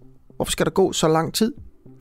Der er flere og flere ting, der bare får en til at stille spørgsmålet, var der noget at skjule? Og nu til en fuldstændig anden øh, historie. Øh, lige om lidt, der får jeg Stine Lindemann igennem. Og Stine er kunstner og kandidat til borgerrepræsentationen i København for et parti, der hedder Rolig Revolution, øh, og som har mærket Z. Det var jo det mærke, som det gamle Fremskridtsparti havde. Det er ikke det, vi skal snakke om, men altså godmorgen til dig, Stine, først. Godmorgen. Må jeg lige hurtigt sige, at det, det er en borgerliste, det er ikke et parti. Okay, tak for det. Øh, grunden til, at vi skal snakke med dig, det er jo faktisk, fordi vi fik et tip inde på vores øh, redaktionslokale, som er den her lukkede Facebook-gruppe for, for den uafhængige medlemmer. Øh, og folk ville gerne ligesom have os til at spørge lidt ind til det her med, om det er i orden at bruge offentlige kunstkroner på at føre valgkamp. Øh, og du stiller op til kommunalvalget. Øh, du har nogle mærkesager, der er Luk By Havn og Styrk Socialdemokratiet. Nej, Lokaldemokratiet. I hvert fald ikke Socialdemokratiet. ikke Socialdemokratiet. øh, og så mener du også, at man skal lave borgerdrevet byudvikling. Øh, og de sager kæmper du øh, for, blandt andet ved at bruge nogle af de 100.000 kroner, som du har fået i arbejdslegat fra Statens Kunstfond. Hvordan ja. er det, at altså, hvad, de penge, du får som kunstner af Statens Kunstfond, øh, hvordan er det, du bruger dem i valgkampen? Ja, det der er vigtigt at få på plads fra starten af, det er, at arbejdslegater, det er noget helt andet end normale legater. legater. Normalt, når du søger legat, så har du et projekt, du definerer, du har en masse rammer for det, og du har et budget, du søger med, og så er du måske heldig at få penge til at gennemføre det projekt. Arbejdslegater, det er mere ligesom et hederslegat. Det er noget, du søger, hvor du fortæller om, hvad du har gjort i de senere år, og du fortæller også lidt om, hvad du vil gøre fremadrettet. Men først og fremmest, så er det ligesom, der er et legatudvalg, der er baseret på især, hvad du har lavet indtil nu, kan vælge at sige, okay, den person skal have x antal kroner, som vi bestemmer, som de kan bruge fremadrettet til at gøre deres øh, kunstneriske virke bedst muligt. Og det er nogle af de penge, jeg har været heldig at få. Ja. Og det skal lige siges, første gang jeg fik det, havde jeg altså søgt syv år i træk, og jeg arbejder på et meget højt niveau og har den bedste uddannelse inden for mit felt. Det er ikke, mm. det er ikke sådan nogle penge, der lige bliver kastet efter hvem som helst. Nej, nej. Prøv, men, det er også, men, spørgsmålet er jo selvfølgelig her, det, det er du også godt klar over selv selvfølgelig, jamen altså, det er jo skatte, det er jo, det er jo folk, der er gået på arbejde og betalt skat, og så, og så ryger pengene så ind i staten, og så ryger de videre til dig øhm, og så bruger du dem på at føre valgkamp. Det er, jo, det er jo det, der ligesom er, hvis vi skal skære det helt ind til benet, sådan det som nogle mennesker i hvert fald måske ville tænke, ah, det er måske ikke helt helt, helt inden for skiven. Altså, nu skal vi så høre dig jo, ikke? Men du har yes, modtaget henholdsvis 50.000 kroner som arbejdslegat mm. under kategorien kunsthåndværk og design i både 20 og 21. Du skriver mm. på din hjemmeside, jeg har sparet op, således at jeg de sidste 6 måneder op til kommunalvalget stort set kan fokusere al min tid på valgkampen. Desuden har jeg i år modtaget arbejdslegater fra Statens Kunstfond på i alt 100.000 kroner, som jeg vil bruge noget af til at skabe kreative indslag i valgkampen. Præcis, det var det, jeg gerne ville sige nemlig. Og, og vi har øh, øh, snakket med Statens Kunstfond. Øh, de har ikke mulighed for at stille op, men sælger, sender os det her svar. Formålet med Statens Kunstfonds arbejdslegater er at give udøvende kunstnere mulighed for at videreudvikle deres kunstneriske arbejde. Der stilles ikke krav til dokumentation eller afrapportering for arbejdslegaterne. Det vil sige, du kan gøre med de penge nogenlunde, hvad du vil. Øh, du skal ikke ligesom stå til regnskab over for kunstfonden, øh, for hvordan du bruger dem i hvert fald. Øh, hvordan hvordan øh, bruger du pengene i valgkampen øh, til, at, til at føre valgkamp med? Jamen, som jeg også skriver der på min hjemmeside, så bruger jeg dem til at skabe kreativ indslag. Så for eksempel noget af det, jeg har brugt det på, det er at lave det, jeg kalder et samtaletæppe, som jeg lige for tiden sådan lidt jokingly kalder mit kampagnekontor.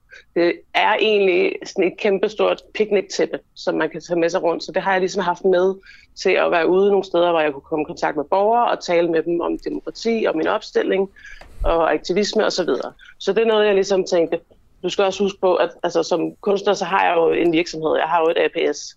Så de penge, jeg bruger fra mit APS, skal jeg selvfølgelig kunne forsvare i forhold til, hvad min virksomhed skal stå for. Så jeg har valgt at sige, okay, men det her tæppe, der vil jeg gerne investere i og lave det, for jeg kan både bruge det nu, og jeg kan mm. også bruge det fremadrettet. Hvad, hvad, det er sådan hvad, typisk et eksempel. Okay, altså, skide godt. Lad os prøve at tage det. er jeg jo ikke sådan en, der, der sidder og laver en masse Facebook-reklamer, som så sidder og bruger penge på det. Lad os tage det her tæppe. Ja. Øhm, det er altså betalt af Kunstfonden. Statens Kunstfond. Altså det ja, offentlige, indirekte, ikke? indirekte, ja. ja. Hvad har det kostet dig? Oh, det har ikke kostet ret meget. Der var noget af en præsending fra Silvan, som jeg også har brugt meget af til alle mulige andre ting. Så var der tre af sådan nogle flyttetæpper. Så har jeg malet noget mønster ovenpå med nogle rester af det spraymaling, jeg havde til overs for nogle andre projekter. Mm. Og så har jeg en veninde, der har hjulpet mig med at sy det gratis. Mm. Ja. Så det ved jeg ikke, hvis bølgerne går højt, 400 kroner. 400 kroner, at, som ja. er taget ud af de her statens kunstfond her. Ja. Øhm, men jeg skal lige forstå, altså, hvad, hvordan, hvordan er det, det hænger sammen med APS'et og dig selv og, og alt det her? Jeg synes, jeg blev lidt forvirret over det. Ja, men det er også fordi, jeg er en lidt utraditionel kunstner. Jeg er ikke sådan en billedkunstner, der laver et billede og sælger det til højst budene. Jeg laver projekter. Men i forhold til det her tippe? Ja, men ja, det er det, jeg vil forklare. Ja. Det her det er et typisk projekt for mig. Jeg laver projekter på to måder. Den ene er, at jeg laver øh, nogle kunstprojekter, hvor jeg sammen med en udsat gruppe af forskellige art, eller marginaliseret gruppe, laver et kunstværk sammen, som så bliver offentligt udstillet. Og så er det i mindre grad selve værket, vi laver, men i højere grad hele projektet og hele den proces, som er mit kunstværk. Den anden måde, jeg arbejder på, det er at lave det, jeg kalder kreativ aktivisme. Men, og det synes jeg netop, det her tæppe er et klassisk eksempel ja, på. Men jeg skal bare lige forstå, er det så dit... mig, jeg gerne... Må lige tage færdig? Ja. Noget, jeg blandt andet forestiller mig, at jeg gerne vil bruge det her tæppe på bagefter, det er, at hver fredag, så klimastrækker jeg sammen med forskellige folk, der har valgt at gøre det foran Christiansborg hver fredag. Og der tænker jeg, at det vil være oplagt at tage det tæppe med videre der og bruge det i ja. den aktivisme der. Okay. Så altså, er det sådan, at du har faktureret dit firma for det, du har brugt af ressourcer på at lave det tæppe? Altså, jeg har købt de der flyttetæpper og jeg har købt den præsending for lang tid siden, og jeg ja. har købt spraymaling for lang tid Men er der sådan nogle fakturer frem og tilbage mellem dig og firmaet? Og Nej, det er, mit, det er jo mit firma, der ja. ligesom vælger at købe det, de her ting. Okay, så det er jo ikke særlig mange penge, 400 kroner, øh, du har haft udgifter til at lave det tæppe her. Nej, jeg tænker, at øh, befolkningen kan klare den. Er der, er, der, er der flere penge? Altså, du siger, du har modtaget 100.000 kroner fra Statens Kunstfond. Du vil bruge noget af til at skabe kreative indslag i valgkampen. Ja. Er der, er der andet? Jeg lavede også øh, til, øh, til Bilfri Søndag på Nørrebro, der opfordrede de en til at komme med nogle øh, kreative indslag, og så valgte jeg at stille op og lave sådan en workshop med især børn, men også voksne, hvor jeg lavede sådan nogle øh, frøbomber, som er sådan noget øh, jord og ler blandet sammen, og så med blomsterfrø, jeg har indsamlet lokalområdet, og så kan man ligesom indkapsle det, ja. og så kan man putte de her blomsterbomber hen steder, hvor man synes, man gerne vil have blomster. Og der har jeg købt nogle sække jord og noget lær. Hmm. Så er der også, hvad, hvad går du og hvad er dit arbejde til daglig? Altså, hvor, hvor, hvordan tjener du penge? Altså, jeg lever af at være kunstner. Ja, så du, det er jo også, man kan sige, de penge, du får fra Statens Kunstfond, er jo også løn til dig på en eller anden måde for at gå rundt og lave sådan nogle ting her, og bruge tid i valgkampen. Tid, som hvis du ved, man var sygeplejerske eller, eller pædagog, jo ikke havde tid til at bruge på valgkampen, fordi man skulle arbejde. Men det er der, hvor jeg skriver, at jeg i forvejen havde sparet op til at kunne fokusere på det de sidste seks måneder. Mm. Er, det, er det ikke svært sådan at sige, hvad kommer fra Kunstfonden, og hvad kommer ikke fra Kunstfonden, når man snakker om, at, at du ikke behøver at have et almindeligt arbejde? Jo, fordi altså, den måde, jeg lever på, der, jeg har jo ikke et almindeligt arbejde. Den måde, jeg lever på, så er det hele tiden sådan et grind, hvor jeg skal lave projekter, og så skal jeg søge penge, og så skal jeg afrapportere på dem, og så har jeg heldigvis nogle søde folk, der støtter mig på Patreon også, hvor jeg også får en lille smule ind hver måned. Ligesom en lidt en slags abonnementsordning, hvor man kan støtte mig. Mm. Men den, min livsfilosofi er ligesom altid at klare mig for så lidt som muligt, og få så meget som muligt ud af det. Og jo, jo mere jeg kan spare op, jo mere frihed har jeg til at tage præcis de valg, der passer ja. mig.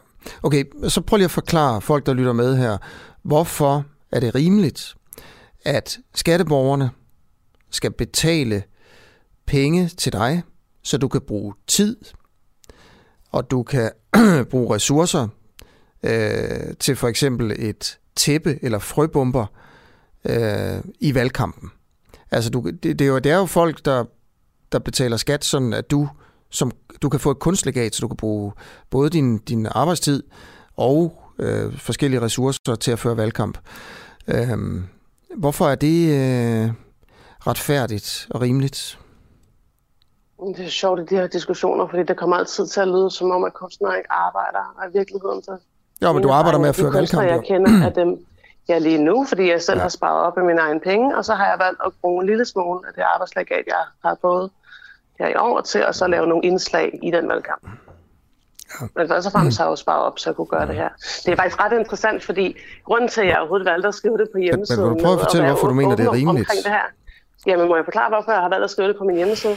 Jeg har valgt at skrive det på min hjemmeside, fordi at partierne i Danmark, de modtager sindssygt mange støttekroner fra alle mulige organisationer og lobbyister, og det mhm. står der ikke nogen steder. Og så tænkte jeg, hvis jeg gerne vil, vil en ny politisk kultur, så skal jeg også være åben omkring det her. Og det har jeg så valgt at være. Og ja. Så det er bare ret interessant at se, hvor meget folk de, uh, mest talt uh, går mok. Altså hele ja, ja. min weekend er blevet brugt men, på at håndtere Twitter. Men hvorfor er det, hvorfor er det rimeligt, synes du?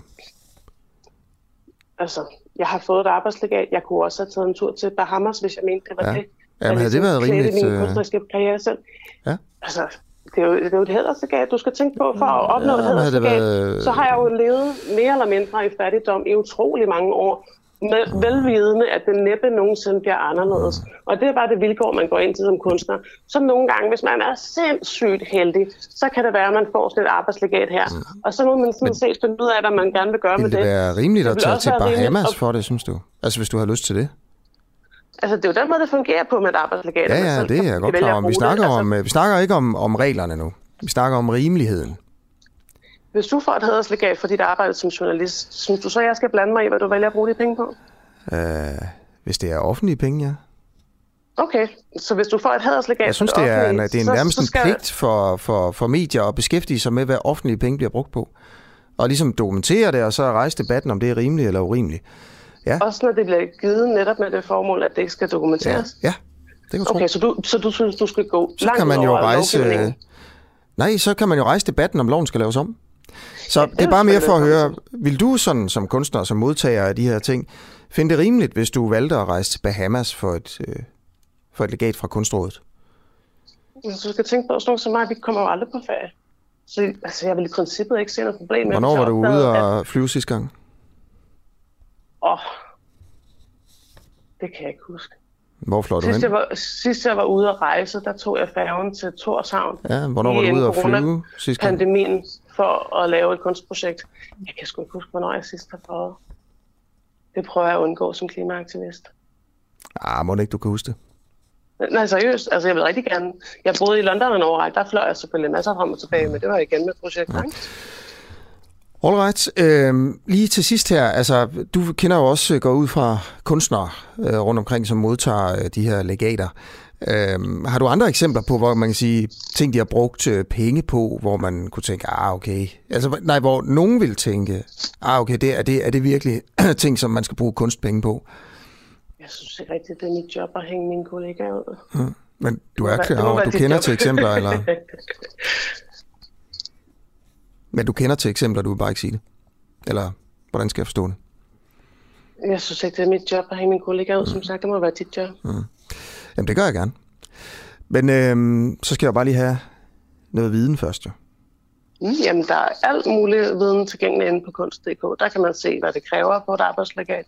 Der er link hen til lovteksten, hvor man kan se, hvad det kræver i forhold til det hele, og der er masser af information. Stine Lindemann, tusind tak, fordi du vil være med til et uh, interview her til morgen. Jamen selv tak. Også god dag. I lige måde kunstnerkandidat til borgerrepræsentationen i København for øh, en borgerliste, jeg kom til at sige parti, men en borgerliste, der hedder Rolig Revolution. Øh, og man kan altså stemme øh, på Stine, hvis man bor i København her til kommunalvalget. Klokken den er tre minutter i 8. Du lytter til Den Uafhængige. Er det hallo?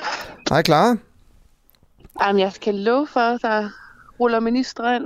Der er jo ikke nogen, der vil snakke med mig. Jeg har prøvet at få Ben Engelbrecht i snak, Jeppe Kofod, Mogens Jensen, øh, Trine Bremsen. Øh, men der er simpelthen ikke nogen som helst... Åh, oh, nu kommer hvem er der kommer her. Der er simpelthen ikke nogen, der vil snakke med mig. Øh, Venstres udenrigsordfører kiggede bare på mig efter Jeppe Kofod og grinede og sagde, du får ikke noget ud af ham.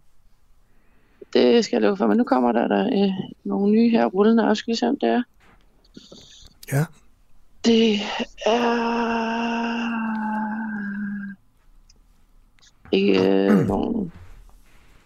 Nå, ja, men i hvert fald, øh, der har været alle oppe, og der er ikke nogen, der har lyst til at udtale sig om noget som helst. Nej. Okay, øh, måske skal jeg også lige øh, bare lige sige, at øh, hvis man lige har stået på her til morgen, så mm. er det, du er hedder Clara, og øh, du er journalist her på Den Uafhængige, og du står ude foran Christiansborg hele morgenen mellem 7 og 9 for at se, om du kan få et interview med bare en eller anden fra Socialdemokratiet. Øh, og du har nogle spørgsmål med om, øh, om sms-skandalen øh, og slettemette-sagen. Hvad er det for nogle spørgsmål, som du gerne vil stille til øh, Socialdemokraterne? Altså, det er jo egentlig meget, meget simpelt. Jeg vil egentlig bare høre, om de synes, det er vigtigt at finde ud af, øh, eller få svar på, hvornår Mette Frederiksen begyndte at slette hendes sms'er, og hvem der rådgav hende til det. Det er faktisk ikke. Det er jo faktisk bare et ja eller nej. Mm. Men øh, Ja. Det er der ikke nogen, der vil svare på. Nej. Vi har jo en teknisk udfordring med dig, Clara. Og det er, at ja. vi kun har én forbindelse øh, ja. til telefoner her i, i løbet af sådan et morgenprogram her. Så egentlig vil jeg, vil jeg jo gerne have dig med hele tiden på telefonen, og så kunne du bare ligesom midt inde i interviewsene råbe, hey, stop, der kommer en ja. Øh, socialdemokrat, og så kunne man så høre dig. Ikke? Øhm, Så derfor tænkte jeg også, at vi måske bare lige kunne have dig med i altså, et minut, to minutter endnu, for at se, om der kommer nogen. Ja, det kan du. Du kan da læse nogle... Har du ikke nogen nyheder eller noget, øh... Så kan jeg bare råbe, hvis der kommer noget. Jeg kan godt lige prøve at tjekke, øh, hvad der, hvad der sker rundt omkring øh, på, på de forskellige nyhedssites. Jeg kan starte med Ekstrabladet. Øhm... Ej, det var faktisk også helt færdigt. Jeg kom til at sige Astrid Bremsen, i stedet for Trine Bremsen. Mm. Lige for lige blive lidt sur. Mm. Ja. Hvordan, altså løber de væk fra dig, når... Øh... Ja, de har meget travlt til det. Okay. Øh, jeg tror også lige, jeg så Lasse Asland, men altså, der er en del af grund med sixpence herinde. Så øh, ja. ja, det troede jeg. du lige Lasse Asland? Nej, jeg sagde Lars. Nå, gjorde det. Okay. Det er jo det gode ved, øh, ved den her radio. Klokken er jo 8 nu her, ikke? og normalt så vil der komme nyheder lige nu. Øh, men på den måde har vi jo ikke så, så travlt. Det er jo også en dag, hvor der ikke sker altså, særlig meget. Venstre øh, har, øh, har sagt, at øh, de vil gøre op med topskatten. Det er jo en, øh, en af de lidt, øh, lidt større ting. Øh, så det synes jeg måske er den, den største nyhed. Nå, klar, ved du hvad? Du kan lige blive... Kan du ikke bare lægge, jo, kan du bare lægge din telefon jo, ved siden af, og så kan jeg ringe, hvis Jo, jeg skal også til en historie om Martin Henriksen nu. Ah, spændende. Okay, hej. Okay, hej. Ja. Godt, og nu gør vi det, at vi simpelthen lige skifter telefonen ud. Øh, der er en, en, øh, en, øh, en nyhed også her til morgen. Det er jo også en af de store nyheder, øh, som er, at Martin Henriksen, øh, man kender ham fra Dansk Folkeparti, øh, en markant og en af de mere kontroversielle i partiet, han er blevet fyret fra øh, fra partiets øh, kontor på Christiansborg. Det er altså den interne splid i toppen af partiet, som blev tydeligt på årsmødet tidligere på efteråret, hvor man, vi måske husker, Pia Kærsgaard sad med tommelfingeren vendt nedad, mens Henriksen stod på talerstolen. Det er altså eskaleret det her, og øh, Martin Henriksen, som jo er hovedbestyrelsesmedlem og fik mange partier, og han er også borgmesterkandidat i Stævns, han er altså blevet fyret fra sin stilling som konsulent i partiet. Erik Holstein, du er politisk kommentator på Altinget. Godmorgen. Godmorgen. Øh, hvad ved du om det? Ja, det er jo en klart en udløber af den øh, alvorlige kontrovers, der var på Dansk Folkeparti's årsmøde her for en måned siden, hvor Martin Henriksen stillede op til hovedbestyrelsen, øh, for inden var han kommet med nogle øh, øh bemærkninger om, at Dansk Folkeparti skulle have en strammere udlændingepolitik, og Øh, det førte til en reaktion fra Pia Kærsgaard, fordi det er en, der er udlændingeordfører, og hun brød sig ikke det mindste den kritik, og mente jo, at Martin Henriksen var alt for langt ude til højre. Så hun øh, arbejdede for, at han ikke skulle øh, vælges ind i hovedbestyrelsen. Og det blev han så alligevel øh, til Pia Kærsgaards øh, store fortrydelse. Altså, vi husker måske øh, alle de der øh, billeder fra årsmødet, hvor Pia Kærsgaard sidder med øh, Tom Stavn i det øjeblik, Martin Henriksen øh, holder sin øh, tale, der bliver klappet af ham i, i salen. Øh, men han bliver altså valgt ind øh, blandt andet med støtte på Thulesen, fordi øh, Thulesen totalt heller vil have Martin Henriksen i hovedbestyrelsen, fordi Henriksen støtter Thulesen som formand. Øh, og øh, det var Pia Kjærsgaard meget utilfreds med, og, og øh, det var sådan en situation, der i hvert fald skulle lukkes med det samme, så den ikke eksploderede, så Tusind markerede også, at nu må det være slut med alle mulige øh, interne stridigheder. Øh, og da Martin Henriksen så øh, kommer til at øh, genopleve den strid med, med Pia Kærsgaard i et interview, øh, så er det altså slut. Øh, det vil man altså ikke øh, finde sig i, fordi at øh, det kan få eksplodere igen. Ja, og det er altså øh, et øh, interview på TV2 Øst, hvor han øh, kommer med en udtalelse, øh, som lyder sådan her. Jeg har bemærket, at Pia ikke var helt tilfreds, men jeg er ikke i politik for at gøre den ene eller den anden tilfreds. Jeg er i politik, fordi jeg vil gøre en forskel, siger han altså til, øh, til TV2 Øst. Og det er det, der gør det, eller hvad? Ja, det, det er dråben. Altså det er, fordi den der, den der konflikt øh, med Pia Kærsgaard er så eksplosiv. Hun var så utilfreds med det, der skete på, øh, på tidens årsmøde, øh, at øh, Thulesen simpelthen er nødt til at få lukket denne her ned.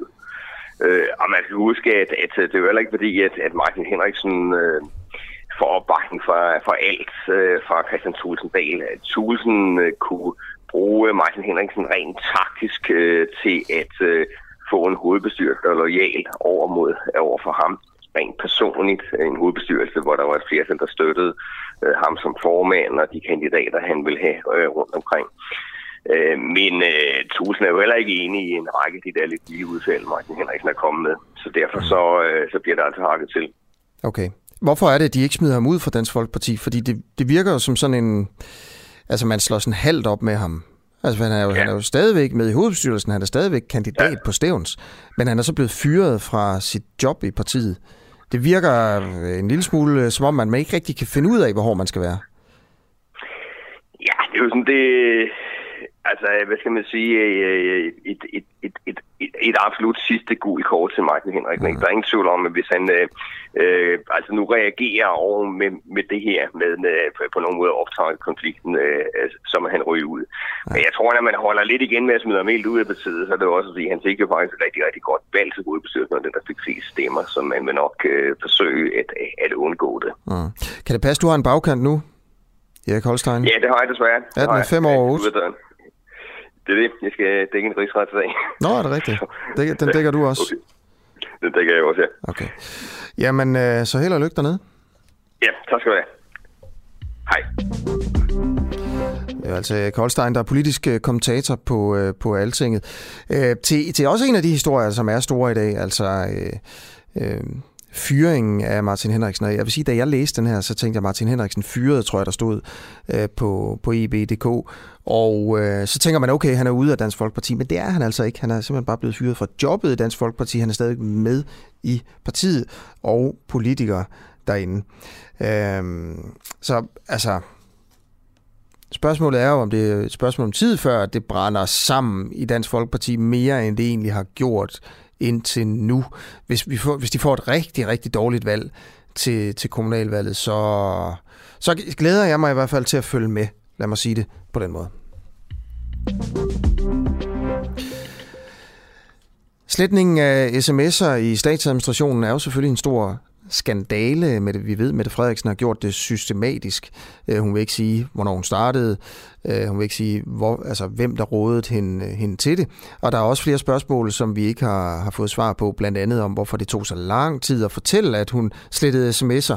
Tiden er fuldstændig afgørende, hvis man gerne vil genoprette sms'erne. Men er det her med at slette sms'er og slette sine spor øh, udpræget? Øh, øh, er, det, er det noget, som, som flere gør i, hvad kan man sige, toppen af regeringen? Ikke kun ministerne, men også pressechefer og særlige rådgivere. Det har vi prøvet at undersøge. Øh, vi har ringet til flere forskellige pressechefer og særlige rådgivere i ministerierne for at høre, om de også sletter deres spor, altså sletter deres sms'er systematisk. Og vi har fået fat på fire pressechefer og en særlig rådgiver. Øh, kun to ville svare på spørgsmålet, og det svar var nej. De sletter altså ikke deres sms'er systematisk. De resterende, øhm, de ja, ville have det meget simple spørgsmål, som jo altså kun de selv kan svare på. Det vil de, det vil de have på mail, og ingen af dem er altså vendt tilbage endnu. Det er Mads. Hej Mads, du taler med Peter Marstal. Jeg ringer ind fra mediet Den Uafhængige, hvor jeg lige nu laver sådan en rundringning rundt til ministerierne, mens jeg, mens jeg optager til udsendelse. Og jeg vil bare høre med at spørge ja. dig, om du sletter dine sms'er. Som uh, pressechef? Ja. Øh, det har jeg ikke nogen kommentar til lige nu. Det, du må meget gerne lige sende mail til mig, hvis der. Jeg sidder også lige i kursus, så jeg er lige ja. lidt uh, frem og tilbage. Men, men det er jo også bare, om du, har, om du sletter dine sms'er for nuværende Ja, Faktisk. gider du ikke sende mig en mail? Jo, men jeg tænker, det, altså, det er jo bare et ja eller nej. Ja, gider du ikke sende mig en mail på det? Tak. Okay. Hvem sletter du? Okay. Jamen, det er bare en aftale. Hej, hej. Klimaministeriet, det er Michael. Hej Michael, du taler med Peter Marstal. Jeg ringer ind fra mediet Den Uafhængige. Øhm, jeg optager lige nu sådan en rundringning til ministerierne, mens jeg optager til udsendelse, og så vil jeg bare høre, om jeg må spørge, om du sletter dine sms'er. Ja, jeg, jeg sletter ikke mine sms'er, men jeg har ikke tænkt mig, jeg har ikke lyst til at deltage øh, i noget, hvor du bare ringer op. Øh, så øh, okay. så øh, jeg ligger på. Det er bare den. Tak. Hej. Det er Martin. Hej Martin, du taler med Peter Marstal inden fra øh, mediet Den Uafhængige. Øh, jeg ringede til dig lige før, fordi jeg laver sådan en rundringning til ministerierne, mens jeg optager til udsendelse. Og det er egentlig for at høre, om jeg må spørge dig, om du sletter dine sms'er. Altså, og du, du optager mig nu, eller hvad? Lige nu optager jeg, ja. Eller du sender... Ja, send, send mig lige en mail, så skal jeg nok svare. Okay. Men, men jeg tænker bare, kan, kan, altså som pressechef, om du så bare sletter dine sms'er, kan du ikke bare svare ja eller nej jeg på det Jeg kan godt svare på mail. Bare, øh, bare send mig en mail på det, ikke også? Okay. Så, øh, så svarer jeg selvfølgelig, jeg skal nok også gøre det hurtigt. Okay. Kommer du til at svare ja eller nej på mailen? det ved jeg ikke. Men send mig mailen, så, så svarer jeg på det. Det må også blive, hvordan du formulerer det. Fordi det, det, jeg må skulle lige se, hvad du, hvad du spørger om. Det, det, det er egentlig kun i dit virke som pressechef for, for Transportministeriet? Ved du hvad, send mig en mail på det, jeg skal nok svare, ikke også? Okay, det, er det må jeg gøre. Det er godt, tak. vi snakkes ved. Hej hej. Ja, hej. Hej, du taler med Peter Marstal. Jeg ringer ind fra mediet Den Uafhængige, hvor jeg lige nu laver sådan en rundringning til ministerierne, mens jeg optager til udsendelse for at høre, om jeg må spørge dig, om du sletter dine sms'er.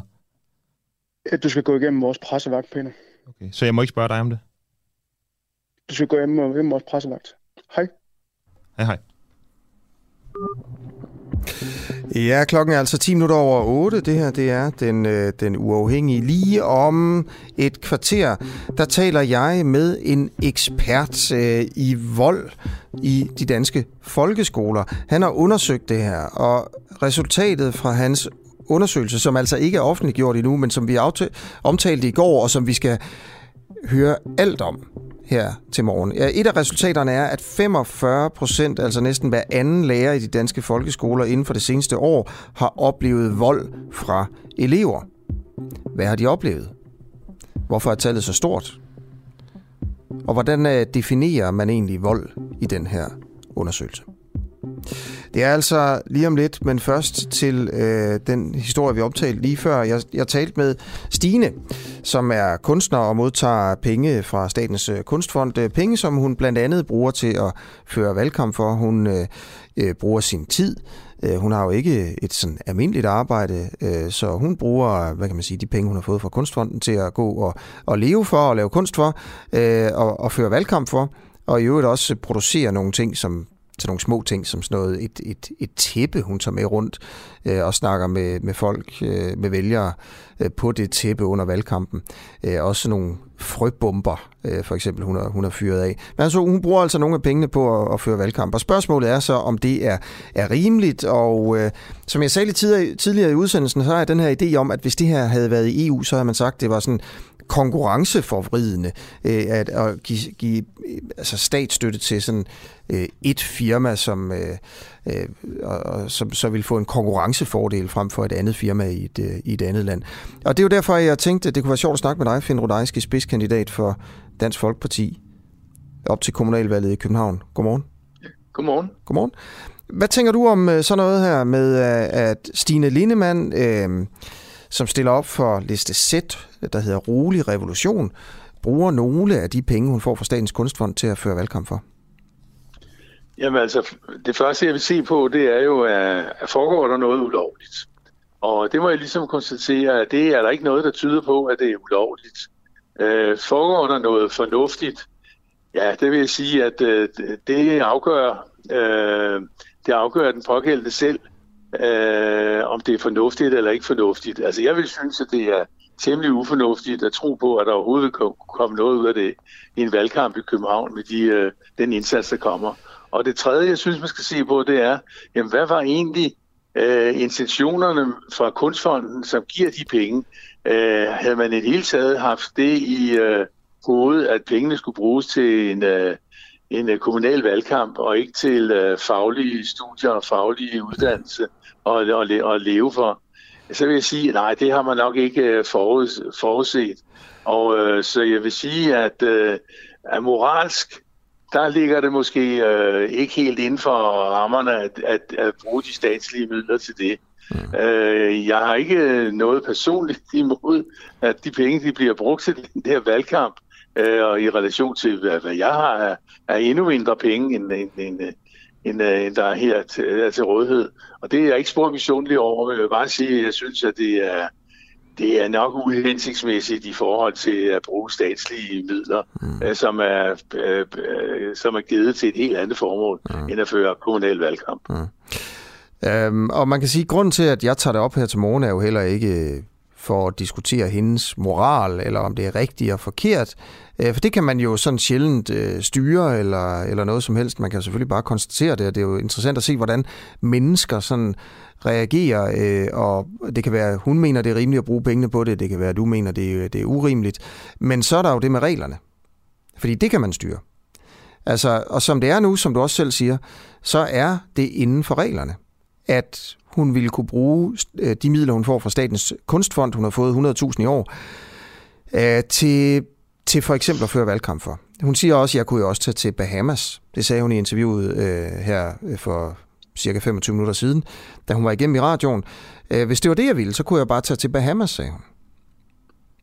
Øhm, og, og så er så er spørgsmålet, synes du, at, at, at sådan nogle regler her skal laves om, sådan at det ikke er muligt at bruge penge fra Statens Kunstfond til, øhm, til alt Jeg synes, at jeg, jeg ved ikke, om de eksisterer skal lave reglerne om, men jeg synes, at der, der skal komme nogle ledsageforklaringer, der skal være nogle, nogle vedtagelser fra, fra Kunstfonden om, at øh, de penge, de altså skal bruges til bestemte ting, som har relation til øh, det kunstfonden står for, nemlig at de yder penge, ikke til valgkamp, men de yder penge øh, til personer, som skal opretholde øh, livet, de yder penge til øh, øh kunst for at støtte det, øh, og initiativer og aktiviteter. Altså de var ligesom fra kunstfondens side, hvor de ligesom sige, hør lige her, der er, sket, der er sket et eller andet her. Pengene bliver brugt til et valgkamp. Var det det, der egentlig var hensigten, at skatteborgernes penge skal bruges til en anden øh, til, til en valgkamp. Det tror jeg ikke har været hensigten, og derfor så er der behov for, at kunstfonden kigger på det. Og hvordan de laver det om, det må de så selv forsøge at administrere.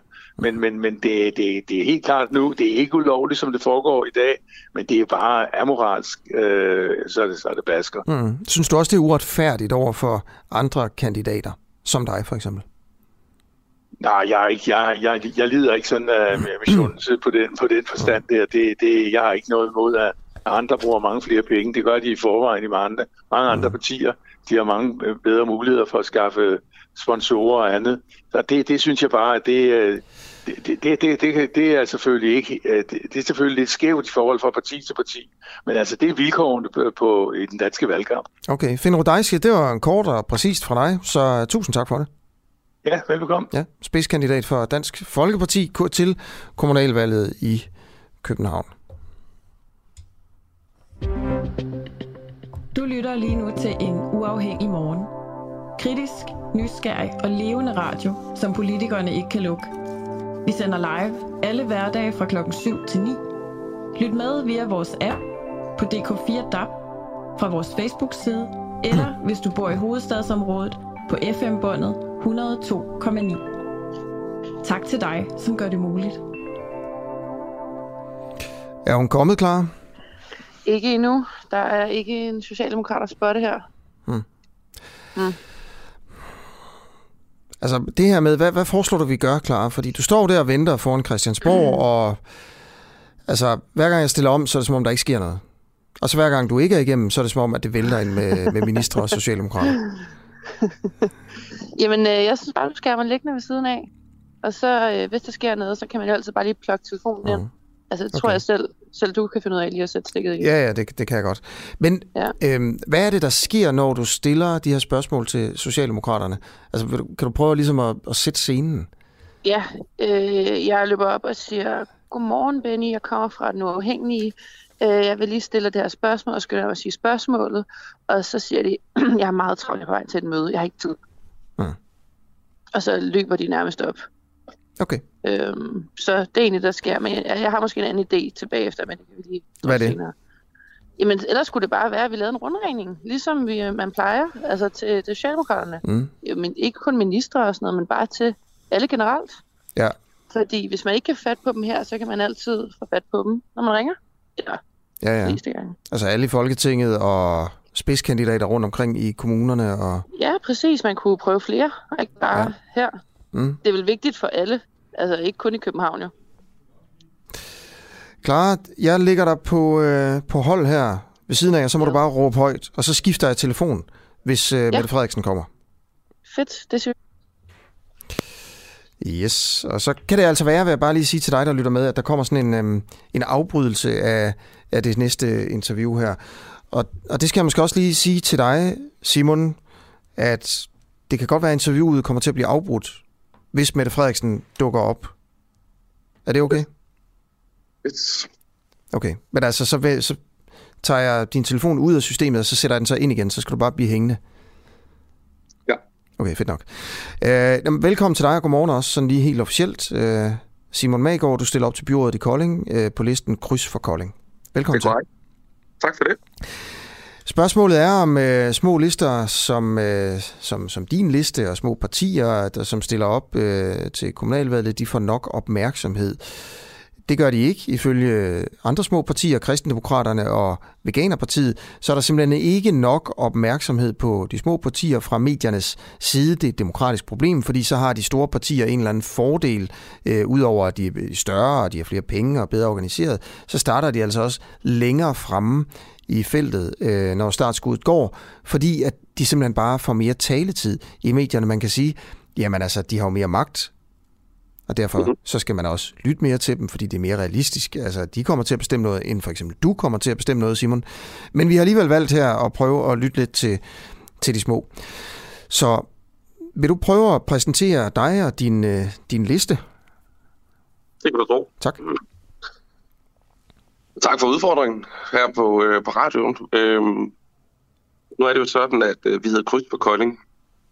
Og når man siger kryds på Kolding, så kan det godt være, at vi er liste Y, men i virkeligheden, så handler det jo i virkeligheden om det her kryds.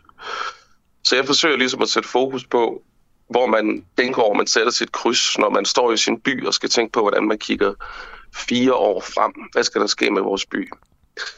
Og så ligger der noget andet i krydset. Og det er, at jeg går meget ind for midtbyen. Jeg synes, at Kolding er gået hen og blevet en by, hvor man fokuserer på prestigeprojekter. Nu øh, har vi haft rigtig meget omkring Kolding Havn, som man ønsker at ændre for en erhvervshavn i en eller anden grad. Nogle synes, den skal være 100% rekreativ med caféer og lejligheder. Øhm, andre mener, det skal være en eller anden form for blanding mellem erhverv og rekreativ havn. Jeg synes, det er noget pjat. Jeg synes, at Kolding Havn skal være Kolding Havn. Det er, den, øh, det er den god til, og den ligger ikke ligesom i Vejle og Fredericia i forlængelse af en, en by, hvor man kan gå ud og bruge den på den måde. Øhm, vi bør holde vores momentum i X'et, altså i krydset i vores midtby, som desværre lider lige nu. Øhm, I mange år har den lidt forretningsmæssigt med tomme vinduer og øhm, øh, hvad hedder, legemål, som, hvor butikker er rykket ind og ud. øh, igen og igen, og simpelthen ikke kan få det til at køre rundt. Øh, det store gamle fugleskræmsel og, og sønder, det er, at man siger, at storcenteret har slugt kunderne, men jeg tror, det, jeg tror faktisk slet ikke, det er det, der er problemet længere. Jeg tror, problemet er, at det ikke ser særlig kønt ud, at der er alt for meget trafik i midtbyen, at det larmer, at det oser, at vores gader ligner østeuropæiske tilstande.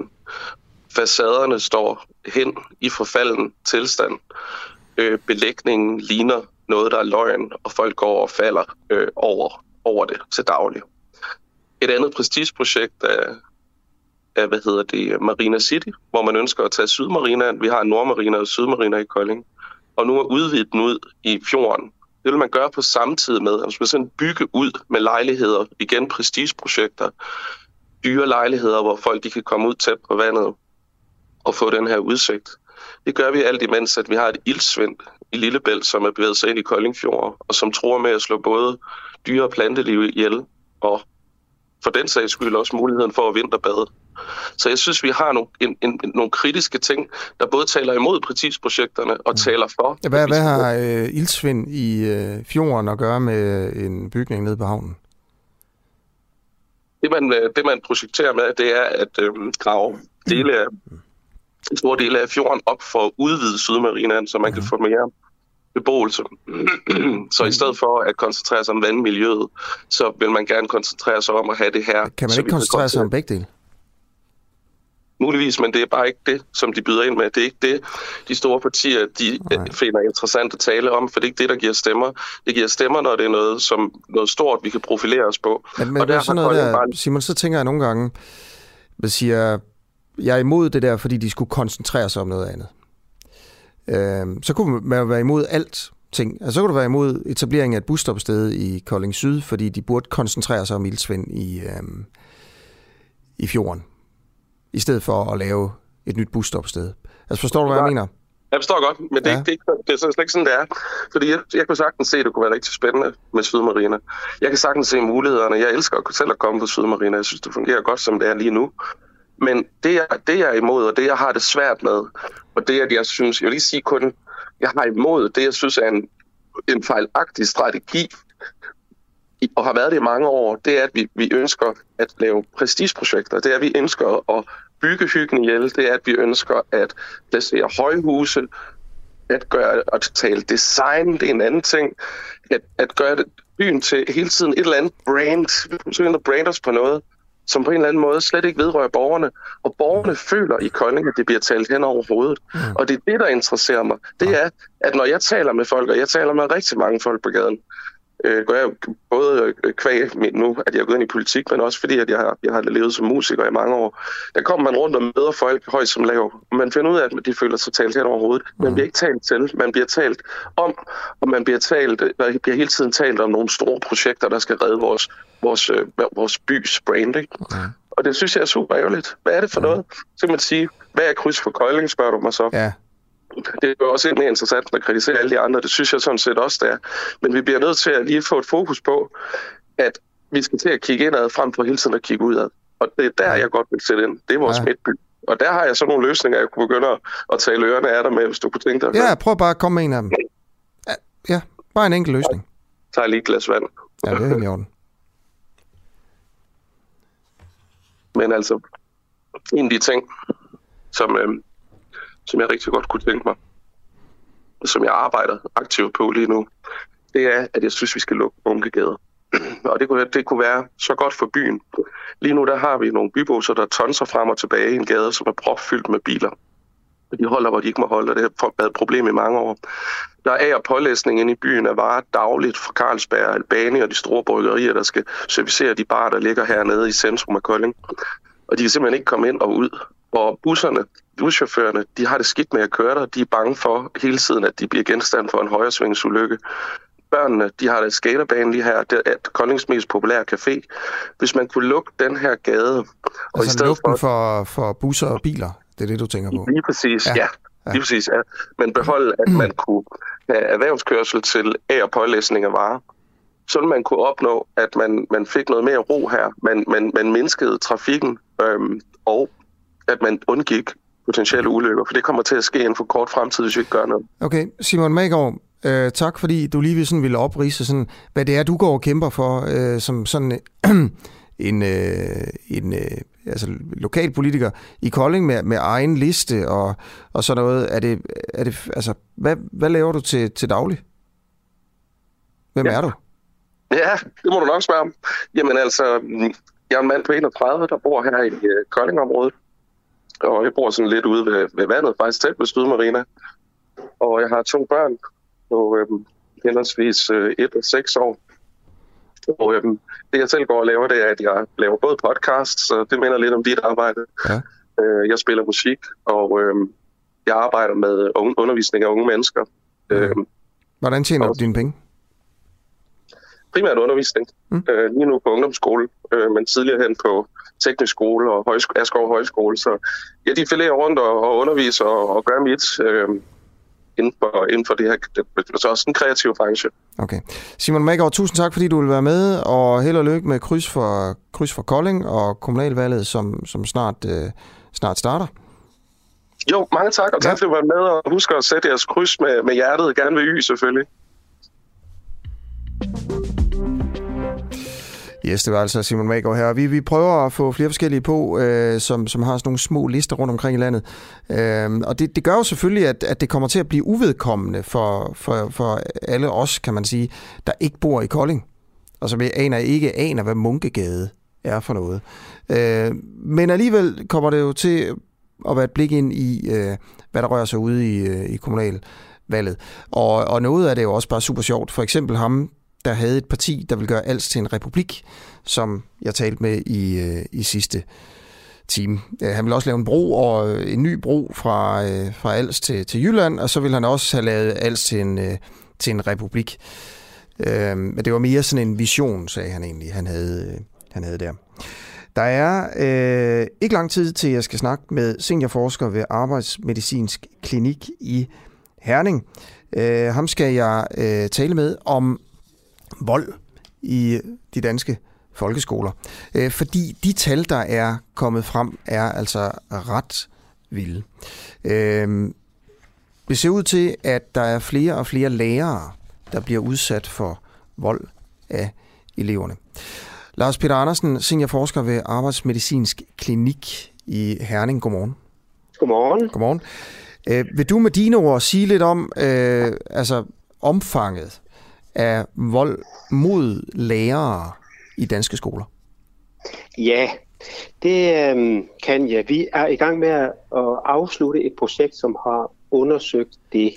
Og der har vi øh, af to omgange spurgt et bredt udsnit af lærere og undervisere på, i den danske folkeskole, om de har været udsat for altså hændelser, som er karakteriseret ved vold. Det er, om de blev sparket, de blev skubbet, de blev nappet, eller trusler, truet med bank, eller blev råbt ad på truende vis, og forskellige former for chikanerende handlinger. Det har vi spurgt om, om de har været udsat for, og så kunne de svare, om de er udsat for det dagligt, ugenligt, månedligt, sjældnere eller aldrig. Og det viser sig, at øh, 86 procent af underviserne, de angiver, at de mindst en gang i løbet af et år har været udsat for en hændelse, som vi karakteriserer som chikane. Og øh, 44,5 procent, de rapporterer, at de har været udsat for en trusselsændelse mindst en gang inden for det seneste år. Og øh, 45 procent angiver, at de har været udsat for en, en voldshændelse. Det kan være spark, det kan være skub, det kan være kras, mindst en gang inden for det seneste år. Okay. Øh, det, umiddelbart tror jeg, at mange vil tænke, det æder mig øh, store tal, det her. Ja, øh, ja. Og lad, lad os prøve at dykke lidt ned i det. Jeg vil bare lige sige til dig også, øh, Lars Peter, mm. mens vi snakker, så har jeg en ja. telefon her, der ligger øh, på, på lyd, fordi vi har en, en journalist inde på Christiansborg foran den store trappe, og hun råber altså op, hvis Mette Frederiksen kommer, og vi skal have et interview med, med hende. Så kommer jeg lige til at skifte telefonen ud, og, Nå, øh, Nå, men, men så vender jeg tilbage til dig. Jamen, det er så helt fint. Er det okay? Det er helt fint. Ja, det er helt okay. Okay, ja, ja det beklager ja. jeg virkelig, Lars Peter. Men det er fordi, vi kun har øh, kan sætte en telefon til ad gangen. Ja, jamen, det, det er så fint. Okay. Ja. ja. men prøv at fortælle lidt om, så du siger altså, inden for det seneste år, fortæller ja. 86 procent af lærerne, at de har været udsat for chikane, 44 procent, ja. at de har modtaget trusler, og 45 procent, ja. at, de har, at de har været udsat for, for vold. Øhm, ja. Hvad tænker du om størrelsen altså, af de her tal? Ja, men, men når man tænker på, at det underviser i den danske almene folkeskole, så er det, så er det jo høje tal. Så er det jo mange, at om sådan lidt med, med, med runde tal, cirka halvdelen oplever mindst en gang i løbet af et skoleår, eller et år har været udsat for en trusselsændelse, og det samme med vold, det er, det er, jo, det er jo højt. Det er jo lærer, der underviser i, i en almindelig folkeskole. Så på den måde er det, er det højt. Men så omvendt, hvis man kigger sådan lidt tilbage, så, så kan vi se på nogle tal, at fra 12, 14, 16 op til 18, der er der sket sådan en, en stigning i antallet af lærer og undervisere, der rapporterer, at de er udsat for trusler på deres arbejde. Og vi lavede en tilsvarende undersøgelse med samme hvad skal man sige, metodik for tre år siden, og der fandt vi også de, nok de samme hyppigheder. Så, så på den måde ja, det er overraskende over, fordi det er jo i, i almen skoleområdet. Ikke? Mm. Øh, og på den anden side, så har der været nogle tal undervejs, som ligesom indikerer, at der er, det er stigende, og det er på det her niveau. Okay. Jeg har helt vildt mange spørgsmål, og jeg skal nok øh, komme ja. til dem sådan øh, øh, efterhånden. Ikke? Øh, ja. For eksempel, altså, hvorfor øh, sker der den her, ja. den her stigning ja. og sådan noget. Men vil du ja. prøve at... Ja. Og også i øvrigt, hvad er det, der sker, hvis du ved noget om det? Men, men først vil du ikke prøve lige at sige på om, hvordan du har lavet undersøgelsen? Jo, altså det er en spørgsmålundersøgelse, som vi har sendt rundt til, til, til uh, cirka 5.000 lærere, og så er der cirka 47 procent, der har svaret i den første omgang, og i anden omgang, der er det er det så 1800, der har svaret. Men, og de her tal det er baseret på den første måling, som er lavet i efteråret 18 og i foråret 19. Og det er 2300, der har svaret. Og vi har ringet, metoden er, at vi har ringet rundt, så vi havde et repræsentativt udsnit af danske folkeskoler, det vil sige som store skoler, små skoler, skoler i byerne osv. Så, så det er nogenlunde afspejler, hvad skal man sige, skolestrukturen i Danmark. Så det er ikke sådan tilfældigt dårlige skoler eller gode skoler, vi har udvalgt. Vi har tilstræbt, at det sådan er tilfældigt. Ikke? Så hvordan ser det ud sådan på en gennemsnitlig dansk folkeskole? Og så har underviserne modtaget et spørgeskema, hvor vi spørger om rigtig mange ting. Blandt andet også, om de i løbet af det seneste år på deres arbejde har været udsat for, og så, kan de, så spørger vi, har du blevet sparket? Og så kan man så krydse af, ja, dagligt, eller ugenligt, eller månedligt, eller sjældent, eller aldrig. Så spørger vi, er du blevet skubbet? Er du blevet nappet? Er du blevet spyttet på? Og det er jo sådan nogle volds, som vi karakteriserer som voldshændelser. Og så er der så trusselsændelser, det er sådan, når man bliver truet med bank, truet med en genstand, eller opdaget på truende vis. Og på samme vis, så kan man krydse af, at man har været udsat for de her hændelser dagligt, ja. ugenligt, månedligt osv. Og på den måde, så lægger vi alle de her tal sammen til et samlet mål for trusler, og det er så dem, vi refererede til før, og for mm. vold og, og chikane. Mm. Og det skal også siges, det lyder voldsomt, at det er 45 procent, der er udsat for vold på deres arbejde. Vi skal også huske på, at langt de fleste, de oplever det sjældent. Der er en lille gruppe, som oplever det månedligt, ugenligt, dagligt, og det, det er selvfølgelig alt lige mere problematisk, end man oplever det sjældent. Hvad, hvad er det for en Men, gruppe, kan du øh, sige lidt om? Ved du, ved du noget om det? Ja, altså det, der, det lidt tyder på, det er, at de yngre, nyuddannede er lidt mere sårbare, ja. lidt mere udsat. Og ellers er det svært at hvad skal man sige, sige hvem ja. det er. Det er underviser i indskolen, det er helt tydeligt. Og hvad er det indskolingen er?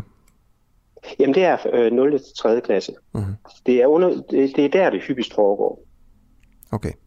Ja, og så lige uh, lidt tilbage til de der tal, ikke? fordi så kan man sige, at ja, de fleste de oplever det sjældent, ikke? men det vil jo svare til, at du og jeg går på arbejde, og så mindst en gang om året, så, så bliver vi truet, eller også bliver vi sparket, og det, mm. det forventer vi jo ikke i vores arbejde, og det, det forventer ja. lærerne jo heller ikke. Nej, det er heller ikke helt det samme, er... hvis det er små børn, altså så kan man sige, så er man jo ikke så bange. Ja. Altså det gør jo ikke så ondt at blive slået af en i første klasse. Nej, nej, nej, det gør det ikke, men det lærerne oplever, det er, at når de står og underviser, og hvad skal man sige, deres undervisning og deres ja, metodik og didaktik ender i, at en elev hvad skal man sige, ikke kan være i det, men reagerer med at sparke på lærerne. Det er rigtigt nok, læreren bliver jo ikke traumatiseret, mm. som havde det været en rocker, der slog. Men den afmagtsfølelse og den magtesløshed, man står der som lærer, hvis man oplever det her flere gange, mm.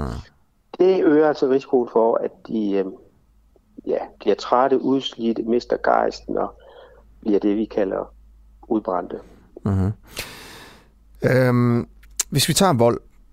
Ja. 45 procent af lærerne har oplevet vold inden for det seneste år. Det er altså ja. slag, spark, men det er også at blive skubbet, og det er faktisk også at blive spyttet ja. på.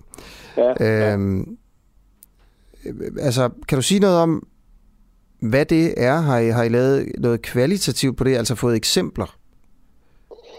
Ja, altså, øhm, altså vi har spurgt og det kan jeg ikke sådan lige huske uden at... Altså, vi har spurgt, ja, i spørgeskemaet, prøv at beskrive en hændelse. Ja. Og det kan være sådan en hændelse med, at, at en lærer, at en elev for eksempel ødelægger noget, at en anden elev har lavet, og læreren så forsøger at stoppe det, og så bliver eleven sur og sparker læreren over skinnebenet, ja. eller spytter på ham. Ja. Hvad er, den, hvad er det, altså det, det mest grælde, det vildeste eksempel, du har hørt om? Nå, det kan jeg jeg, jeg tror, det er sådan en, en hændelse, hændelse med, at man, man, man står og snakker og, øhm, eller ude, ude i frikvarter, og så øhm, forsøger læreren at stoppe en eller anden hændelse, og så, så er der en elev, som ligesom bryder sig ikke om det, og så tager han skovl og kaster efter en lærer og rammer ham på benet. Men, men det, det er sådan nogle hændelser der. Ja, jeg kan ikke okay. sådan lige komme i tanke om, hvad den værste, værste hændelse. Nej, nej. nej. Øhm, er der, okay, så, så ja. er jeg også interesseret i at vide, øh, ja. hvilke skoler det foregår på. Altså fordi du siger, at det, det sker lidt mod, mere mod ja. øh, de, de yngre lærere end, ja. end de ja. ældre ja. lærere. Det kan jo være noget med erfaring i forhold til, hvordan man ligesom takler, takler elever. Ja, ja. Øhm, men, men det er også sådan mest i indskolingen, det vil sige, det er de små elever. Ja. Øhm, men, men er der også forskel på, hvor det sker altså på hvilke skoler, er der nogle karakteristika på, for de her skoler? Øhm, kan du sige noget om det? Ja, det kan jeg godt. Øh, og det er sådan lidt, altså det er lidt sådan, fordi, altså den ene ting, der tænker du sikkert på, er det en stor skole, er det en lille skole, er det en skole i København, eller... Ja, jeg tænker på flere forskellige ting. Jeg tænker på, ja, er, det, er, det, ja. er det store, små skoler, er det i by ja. land, er det i ghettoområder, ja. øh, ja. er det i områder med mange sociale problemer, eller ja. er det i områder, er det i Gentofte? Øh, ja. hvor, hvor, hvor, hvor, hvor det sker, eller altså, du ved, så både rig ja, og fattig, ja. Ja, ja, indvandrere, ikke indvandrere, byland. Ja. ja. Ja, og det kan du sige, vi har, vi har en bred liste af mange forskellige skoler med. Store skoler, små skoler, skoler fra det Nordsjælland, Vestjylland osv. osv. Og det foregår på alle skoler. Der er ikke nogen skoler, hvor der er nul. Nej. Så det foregår på alle skoler, ikke? Det vi har været interesseret i, det er sådan at, at kigge på, altså hvad kendetegner, altså er der en sammenhæng mellem den måde, hvad skal man sige, arbejdet er organiseret på. Vi har været meget interesseret i arbejdsmiljøets betydning for, at de her hændelser de opstår. Men, men, men kan du prøve lige, inden, det vil ja. jeg også meget gerne høre ja. om, ja. det er bare lige inden det foregår på alle skoler. Ja, det gør det sikkert. Ja. Du ved, der foregår jo også, lad os sige, øh, korruption i alle lande. Men alligevel er der nogle lande, hvor der foregår mere korruption end andre. Ja, ikke? Og så, er det ja. så, så ser man, at der er nogle karakteristika for, karakteristika for de lande, hvor der er meget korruption. Ja, ja, ja, ja. Eller du ved, hvad jeg ja. mener, ikke? Så ja. er, der, er der nogle karakteristika for, for de skoler, hvor der foregår meget vold mod lærere? Det eneste karakteristika, jeg kan sige, og som jeg har undersøgt, fordi formålet med undersøgelsen bare noget andet, som vi kommer til lidt senere, mm. det er, at det ser ud til skoler, som har mellem 2 til 400 elever, der forekommer der lidt mere chikane, end der gør på skoler, der er mindre, eller skoler, der er større. Og hvorfor det lige er sådan, det har jeg simpelthen ikke noget bud på, om det er, det er en ren skær tilfældighed. Aha. Og ellers, ellers på skolestørrelse, der er der simpelthen ikke forskel. Nej. Og jeg har, jeg har ikke nogen tal, så jeg ligesom kan sige, er der Nej. noget socioøkonomi i det her? Det har jeg ikke nogen tal på, okay. om der er. Okay. Ja. Okay, jamen øh, fint. Ja. Så, så skulle du til at ja. sige noget med øh, den måde, ja. man organiserer arbejdet på. Det ja. kunne være afgørende ja. for, om der er vold mod lærerne. Ja, ja fordi vores hypotese, det er, at øh, det her, det, et, det foregår jo på alle skoler. Ikke? Og det vi er optaget af, det er, jamen, det, der har en betydning, det er jo det, der foregår på skolen. Ikke? Så kan den ligge i Gentofte, eller den kan, få, den kan ligge et andet sted, i Rødovre, eller Roskilde, eller i Skagen. Og der kan være børn, der er udreagerende, men det, der rigtig meget betyder noget, det er jo, hvad skal man sige, det miljø, der er på skolen, og de ting, der er på skolen. Fordi alt andet lige, så kan det gøre en forskel. Det kan sikkert, eller vores antagelse er, at det kan forstærke det, eller det kan mindske det. Og der har vi jo kigget på betydningen af, af, af altså den måde, man samarbejder på, og det klima, der er på skolen, og har, har det en betydning for, at volden er, truslerne er højere eller lavere. Og det er det, som jeg helst ikke vil sige noget præcis tal på endnu, fordi vi sidder og finpudser tal, og jeg er meget nødt til at sige noget, der mm. vi finder ud af, skal ud og korrigere efterfølgende. Men, men det, er den, det er den vinkel, vi har været meget optaget af. Det er, hvad, hvordan er samarbejdet på skolen, hvordan er klimaet på skolen, hvordan er det, hvordan får man tingene registreret, hvordan arbejder man systematisk forebyggende med det her, eller gør man ikke. Fordi det er vores overbevisning om, det er det, der betyder noget, og det betyder mindre, om den ligger i det ene eller det andet sted. Hvorfor er det, du tror, det er det, der betyder noget? Det er fordi, at når man kigger og læser undersøgelser fra USA, så er der jo store socioøkonomiske forskelle, meget mere end her. Og der er det korrekt, at, at øh, i områder, hvor der er høj kriminalitet og meget fattigdom, der er der også problemer med, at, at man kan sige, vold og trusler mod lærerne. Men det, det må ikke stå alene, fordi hvis man så samtidig går ind og undersøger sådan et begreb, som hedder skoleklima, som de kalder det i USA, og det er sådan noget med lærerens tilgang til eleverne, som, som ikke er autoritær, men er autoritativ og mm. støttende, samtidig med, at der er nogle meget tydelige regler. Mm. Så mindsker det simpelthen risikoen for, at der er udadreagerende adfærd mod lærerne, selvom man er i sådan nogle meget belastede områder. Mm. Så, så det er ligesom det, der hvad skal man sige, vi er også en formodning om, det betyder rigtig meget det, der foregår på skolerne. Mm. Altså den måde, man håndterer og forebygger den risiko, der kan være for udadreagerende adfærd. Ja. Hvad med kulturel forskel? Altså hvis vi nu siger, nu kommer jeg med en hypotese her, ikke? Ja. så det kan ja. være, der er nogen, der tænker på. Øh, folk, der kommer fra Mellemøsten, øh, de kommer fra kulturer, hvor der er mere vold i hjemmet. Øh, og derfor så kan det være, at det er noget, som børn tager videre med ind i skolen.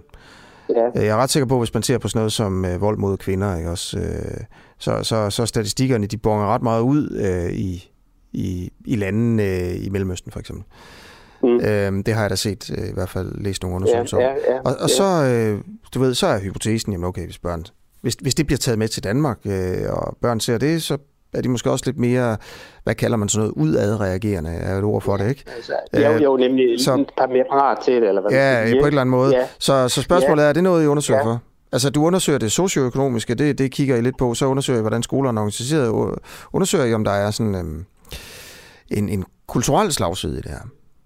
Nej, det gør vi ikke, fordi mm. vores, vores hoved hypotese, det har været at undersøge, hvordan skolerne forebygger og håndterer. Ja.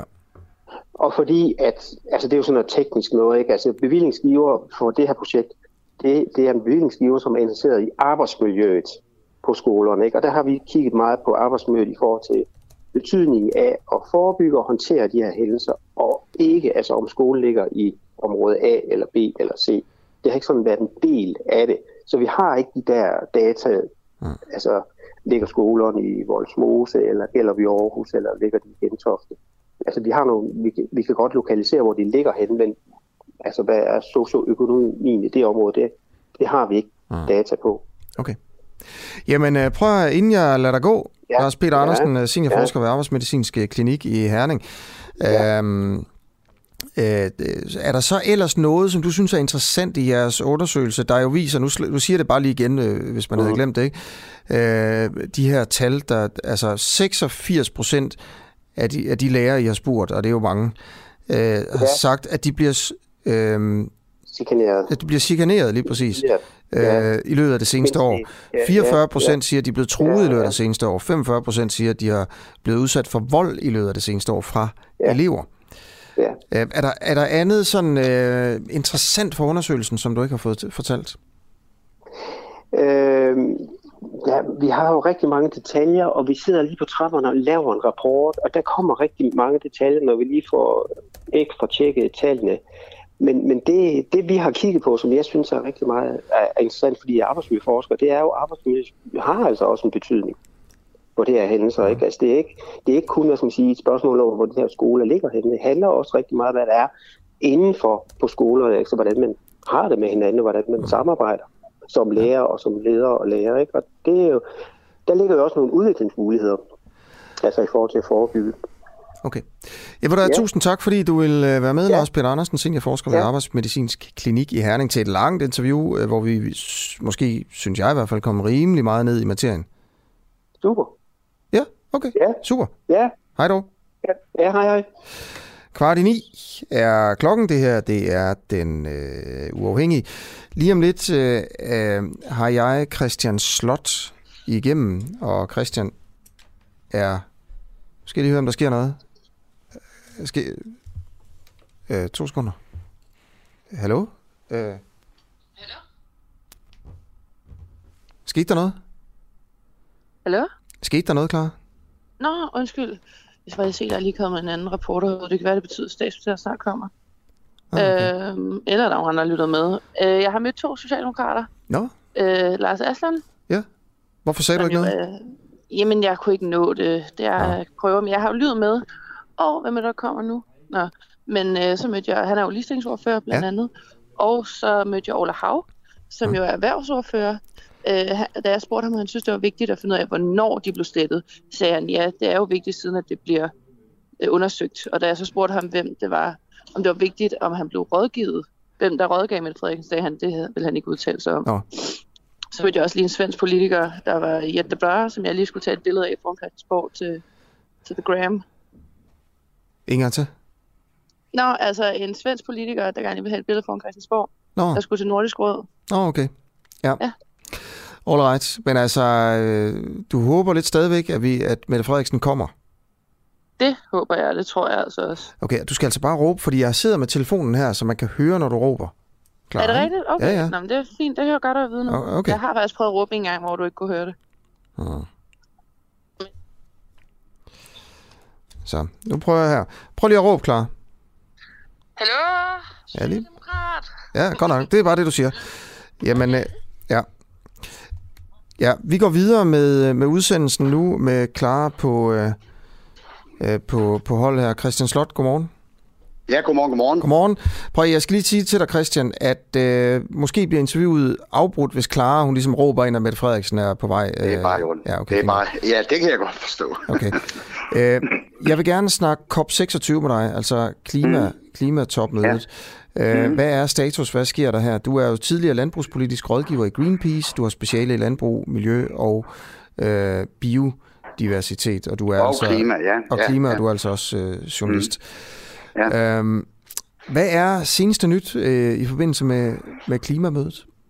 Ja, altså det ved jeg ikke, for jeg er ikke derovre. Jeg følger bare sagen her hjemmefra. Men jeg må indrømme, at jeg bliver mismodet ud fra de ting, øh, jeg hører, Asger. Fordi sagen er jo den, at ligesom vi mennesker jo er os selv nærmest, så landene også øh, sig selv nærmest. Og det vil sige, vi mangler ligesom, selvom rapporterne fra FN's klimapanel jo er virkelig, virkelig, virkelig alvorlige, så mangler vi, at de her store ledere, de sætter sig ned og ser hinanden i øjnene. Okay, nu leverer vi alle sammen.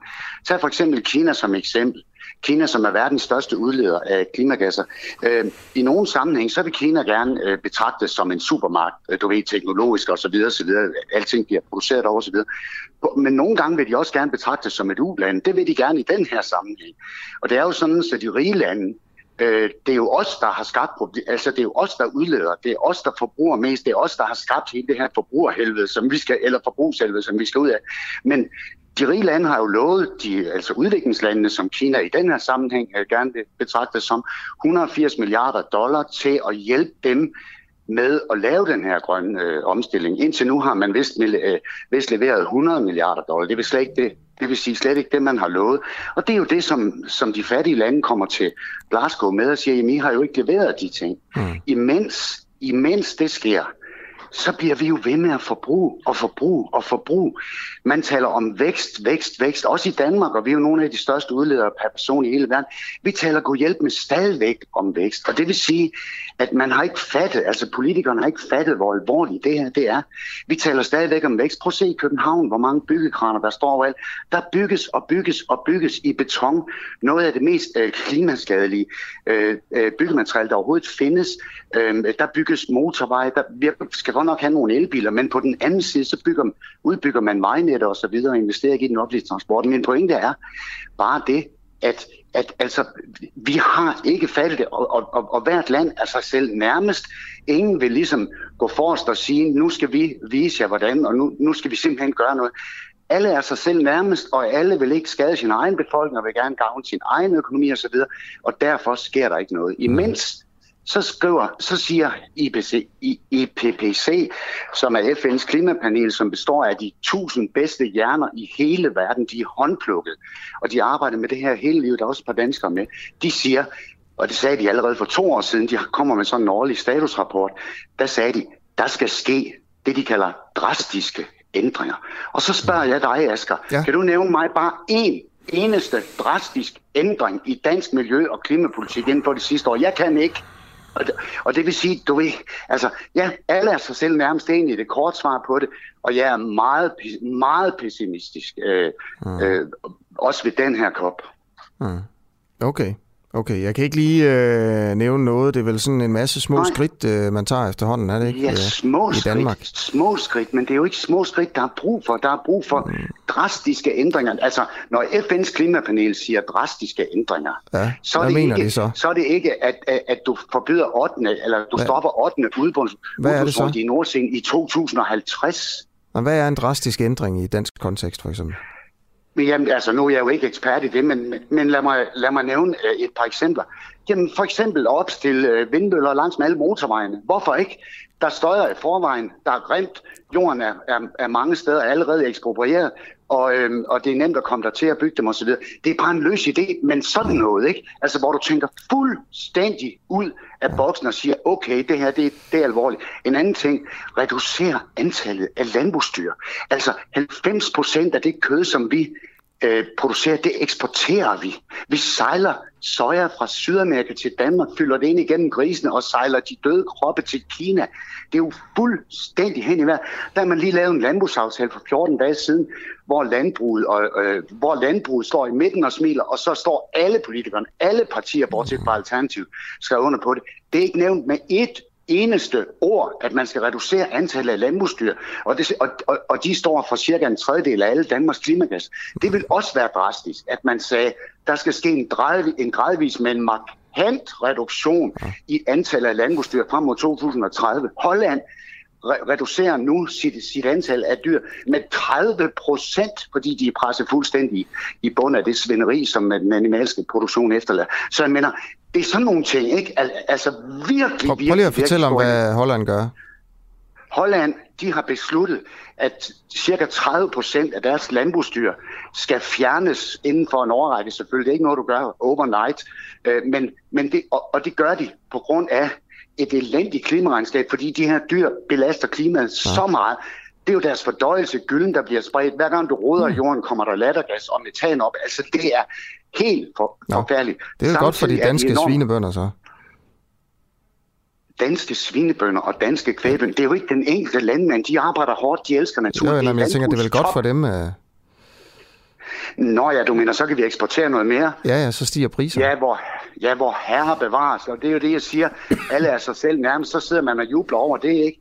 Øh, men, men, men altså Holland, og, og de gør det også, fordi de har et kæmpestort problem med nitrat, kvælstof i, i uh, grundvandet, som jo kommer hovedsageligt fra, fra landbruget. Al, al, altså, landbruget koster samfundet snesevis, altså nu taler om herhjemme, snesevis af milliarder om året, hvor vi skal rydde op efter deres svineri. Det er den eneste industri, som ikke, hvor, hvor uh, princippet for forureneren betaler ikke gælder. Men det her, det er kun eksempler på det. Altså, du ved, altså, og mange af de her ting, der vil politikerne sige, jamen det kan ikke lade sig gøre, det kan ikke lade... Jamen det skal kunne lade sig gøre. Ja. Der er ja. ikke så meget at have om. Nej, okay. Prøv at... Øh, Birgit øh, skriver inde på vores øh, Facebook her, folk i regeringen har endnu ikke forstået alvoren. Øh, det kunne jeg forestille mig, mm. du er, du er enig i, Christian Slot. Og så øh, er der, skriver Liva på sms'en, øh, vil du ikke spørge om, hvad han mener om A-kraft som løsning? Og det vil jeg jo sådan set gerne. Altså, egentlig så er du jo med, Christian, for ligesom at, at give din status på, hvordan det går med, med mm. det store klimatopmøde i, i Skotland. Mm. Øh, mm. Men lad os da lige høre her. Øh, du er jo en mand med holdninger, det kan vi jo snilt høre. Mm. A-kraft. Ja, A-kraft, det er jo noget, som diskuteres, og der er rigtig mange, der peger på det nu som, som løsning. Jeg er ikke ekspert på det område. Jeg er ikke meget for det. Altså, på grund af, vi har jo haft Tjernobyl og andre steder. Jeg, jeg synes ikke, det, det er løsningen. Løsningen er vedvarende energi. Vinden og solen skinner hele tiden. Så noget som jordvarme, for eksempel, som er en fantastisk opfindelse. Altså, der er masser af andre... Altså, jeg synes ikke atomkraft. Men, men, det, men det er selvfølgelig et quick fix. Ja. Det er det for mange, som siger, hey, lad os bygge nogle af dem, de kan levere det hele. Ja, men der er nogle kæmpe store problemer, det ved vi alle sammen med plutonium, og vi har haft ulykker rundt omkring osv. Barsebæk øh, har der været problemer med med udslip øh, før i tiden. Ja. København ligger lige ved siden af osv. Nej, jeg synes ikke, at atomkraft er løsningen på det. Det er vedvarende energi. Vedvarende, vedvarende, vedvarende. Det er det, vi skal satse på. Okay. Og det er vi jo gode til herhjemme, ikke? Christian Slot, vil du prøve lige at hurtigt og bare, altså, hvor langt er man i, med topmødet? Hvornår starter det for alvor? Og øh, Jamen, hvordan går ja. det med det? Altså, bare lige ganske kort. Ja. Jamen altså, jeg er meget øh, pessimistisk. Jeg synes ikke, det går ret godt, fordi Nej. hvert land er sig selv nærmest, og, ja. og, og jeg, jeg er meget pessimistisk, må jeg sige, ud fra ja. det, vi har hørt de første par dage. Hvornår starter det rigtigt, hvis man kan sige det? Ja, altså, Kina har jo, eller undskyld, Indien har jo allerede meldt noget ud, at i 2070 vil ja. de være klimaneutrale. USA, det tror jeg er vores eneste håb nu. Biden har jo sagt noget med, at han har netop sagt det der med, at vi bliver nødt til alle sammen at sætte os sammen. Altså, vi bliver nødt til at lave en fælles løsning for alle, men hold op, hvor bliver ja. det svært, fordi alle okay. lande er sig selv nærmest. Okay. Øh, vil du have tusind tak, Christian Slot, fordi du vil være med. Det var så lidt. Hej, hej. Hej. Ja, øh, og nu er udsendelsen egentlig øh, færdig. Øh, der er tre minutter tilbage. Jeg vil sige, hvis man vil så er man velkommen til at ringe ind til mig her til sidst, øh, fordi vi har ikke mere planlagt. Øh, så kan man ringe på 50 24 50 14. 50 24 50 14, hvis man har et tip til udsendelsen i morgen, eller noget kritik til udsendelsen i dag, eller en holdning til nogle af de ting, vi har beskæftiget os med. 50 24 50 14, det er nummeret direkte ind til mig her til morgen. Og mens jeg lige sidder og venter på, om der er nogen, der ringer, så skal jeg også bare lige sige, at Clara er med og råber op, hvis Mette Frederiksen kommer ind forbi Christiansborg ved den store trappe.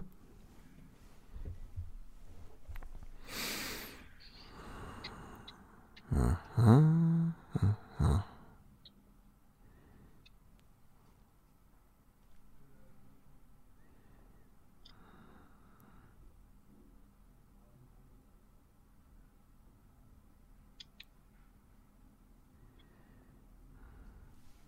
Ja. Husk, du kan ringe på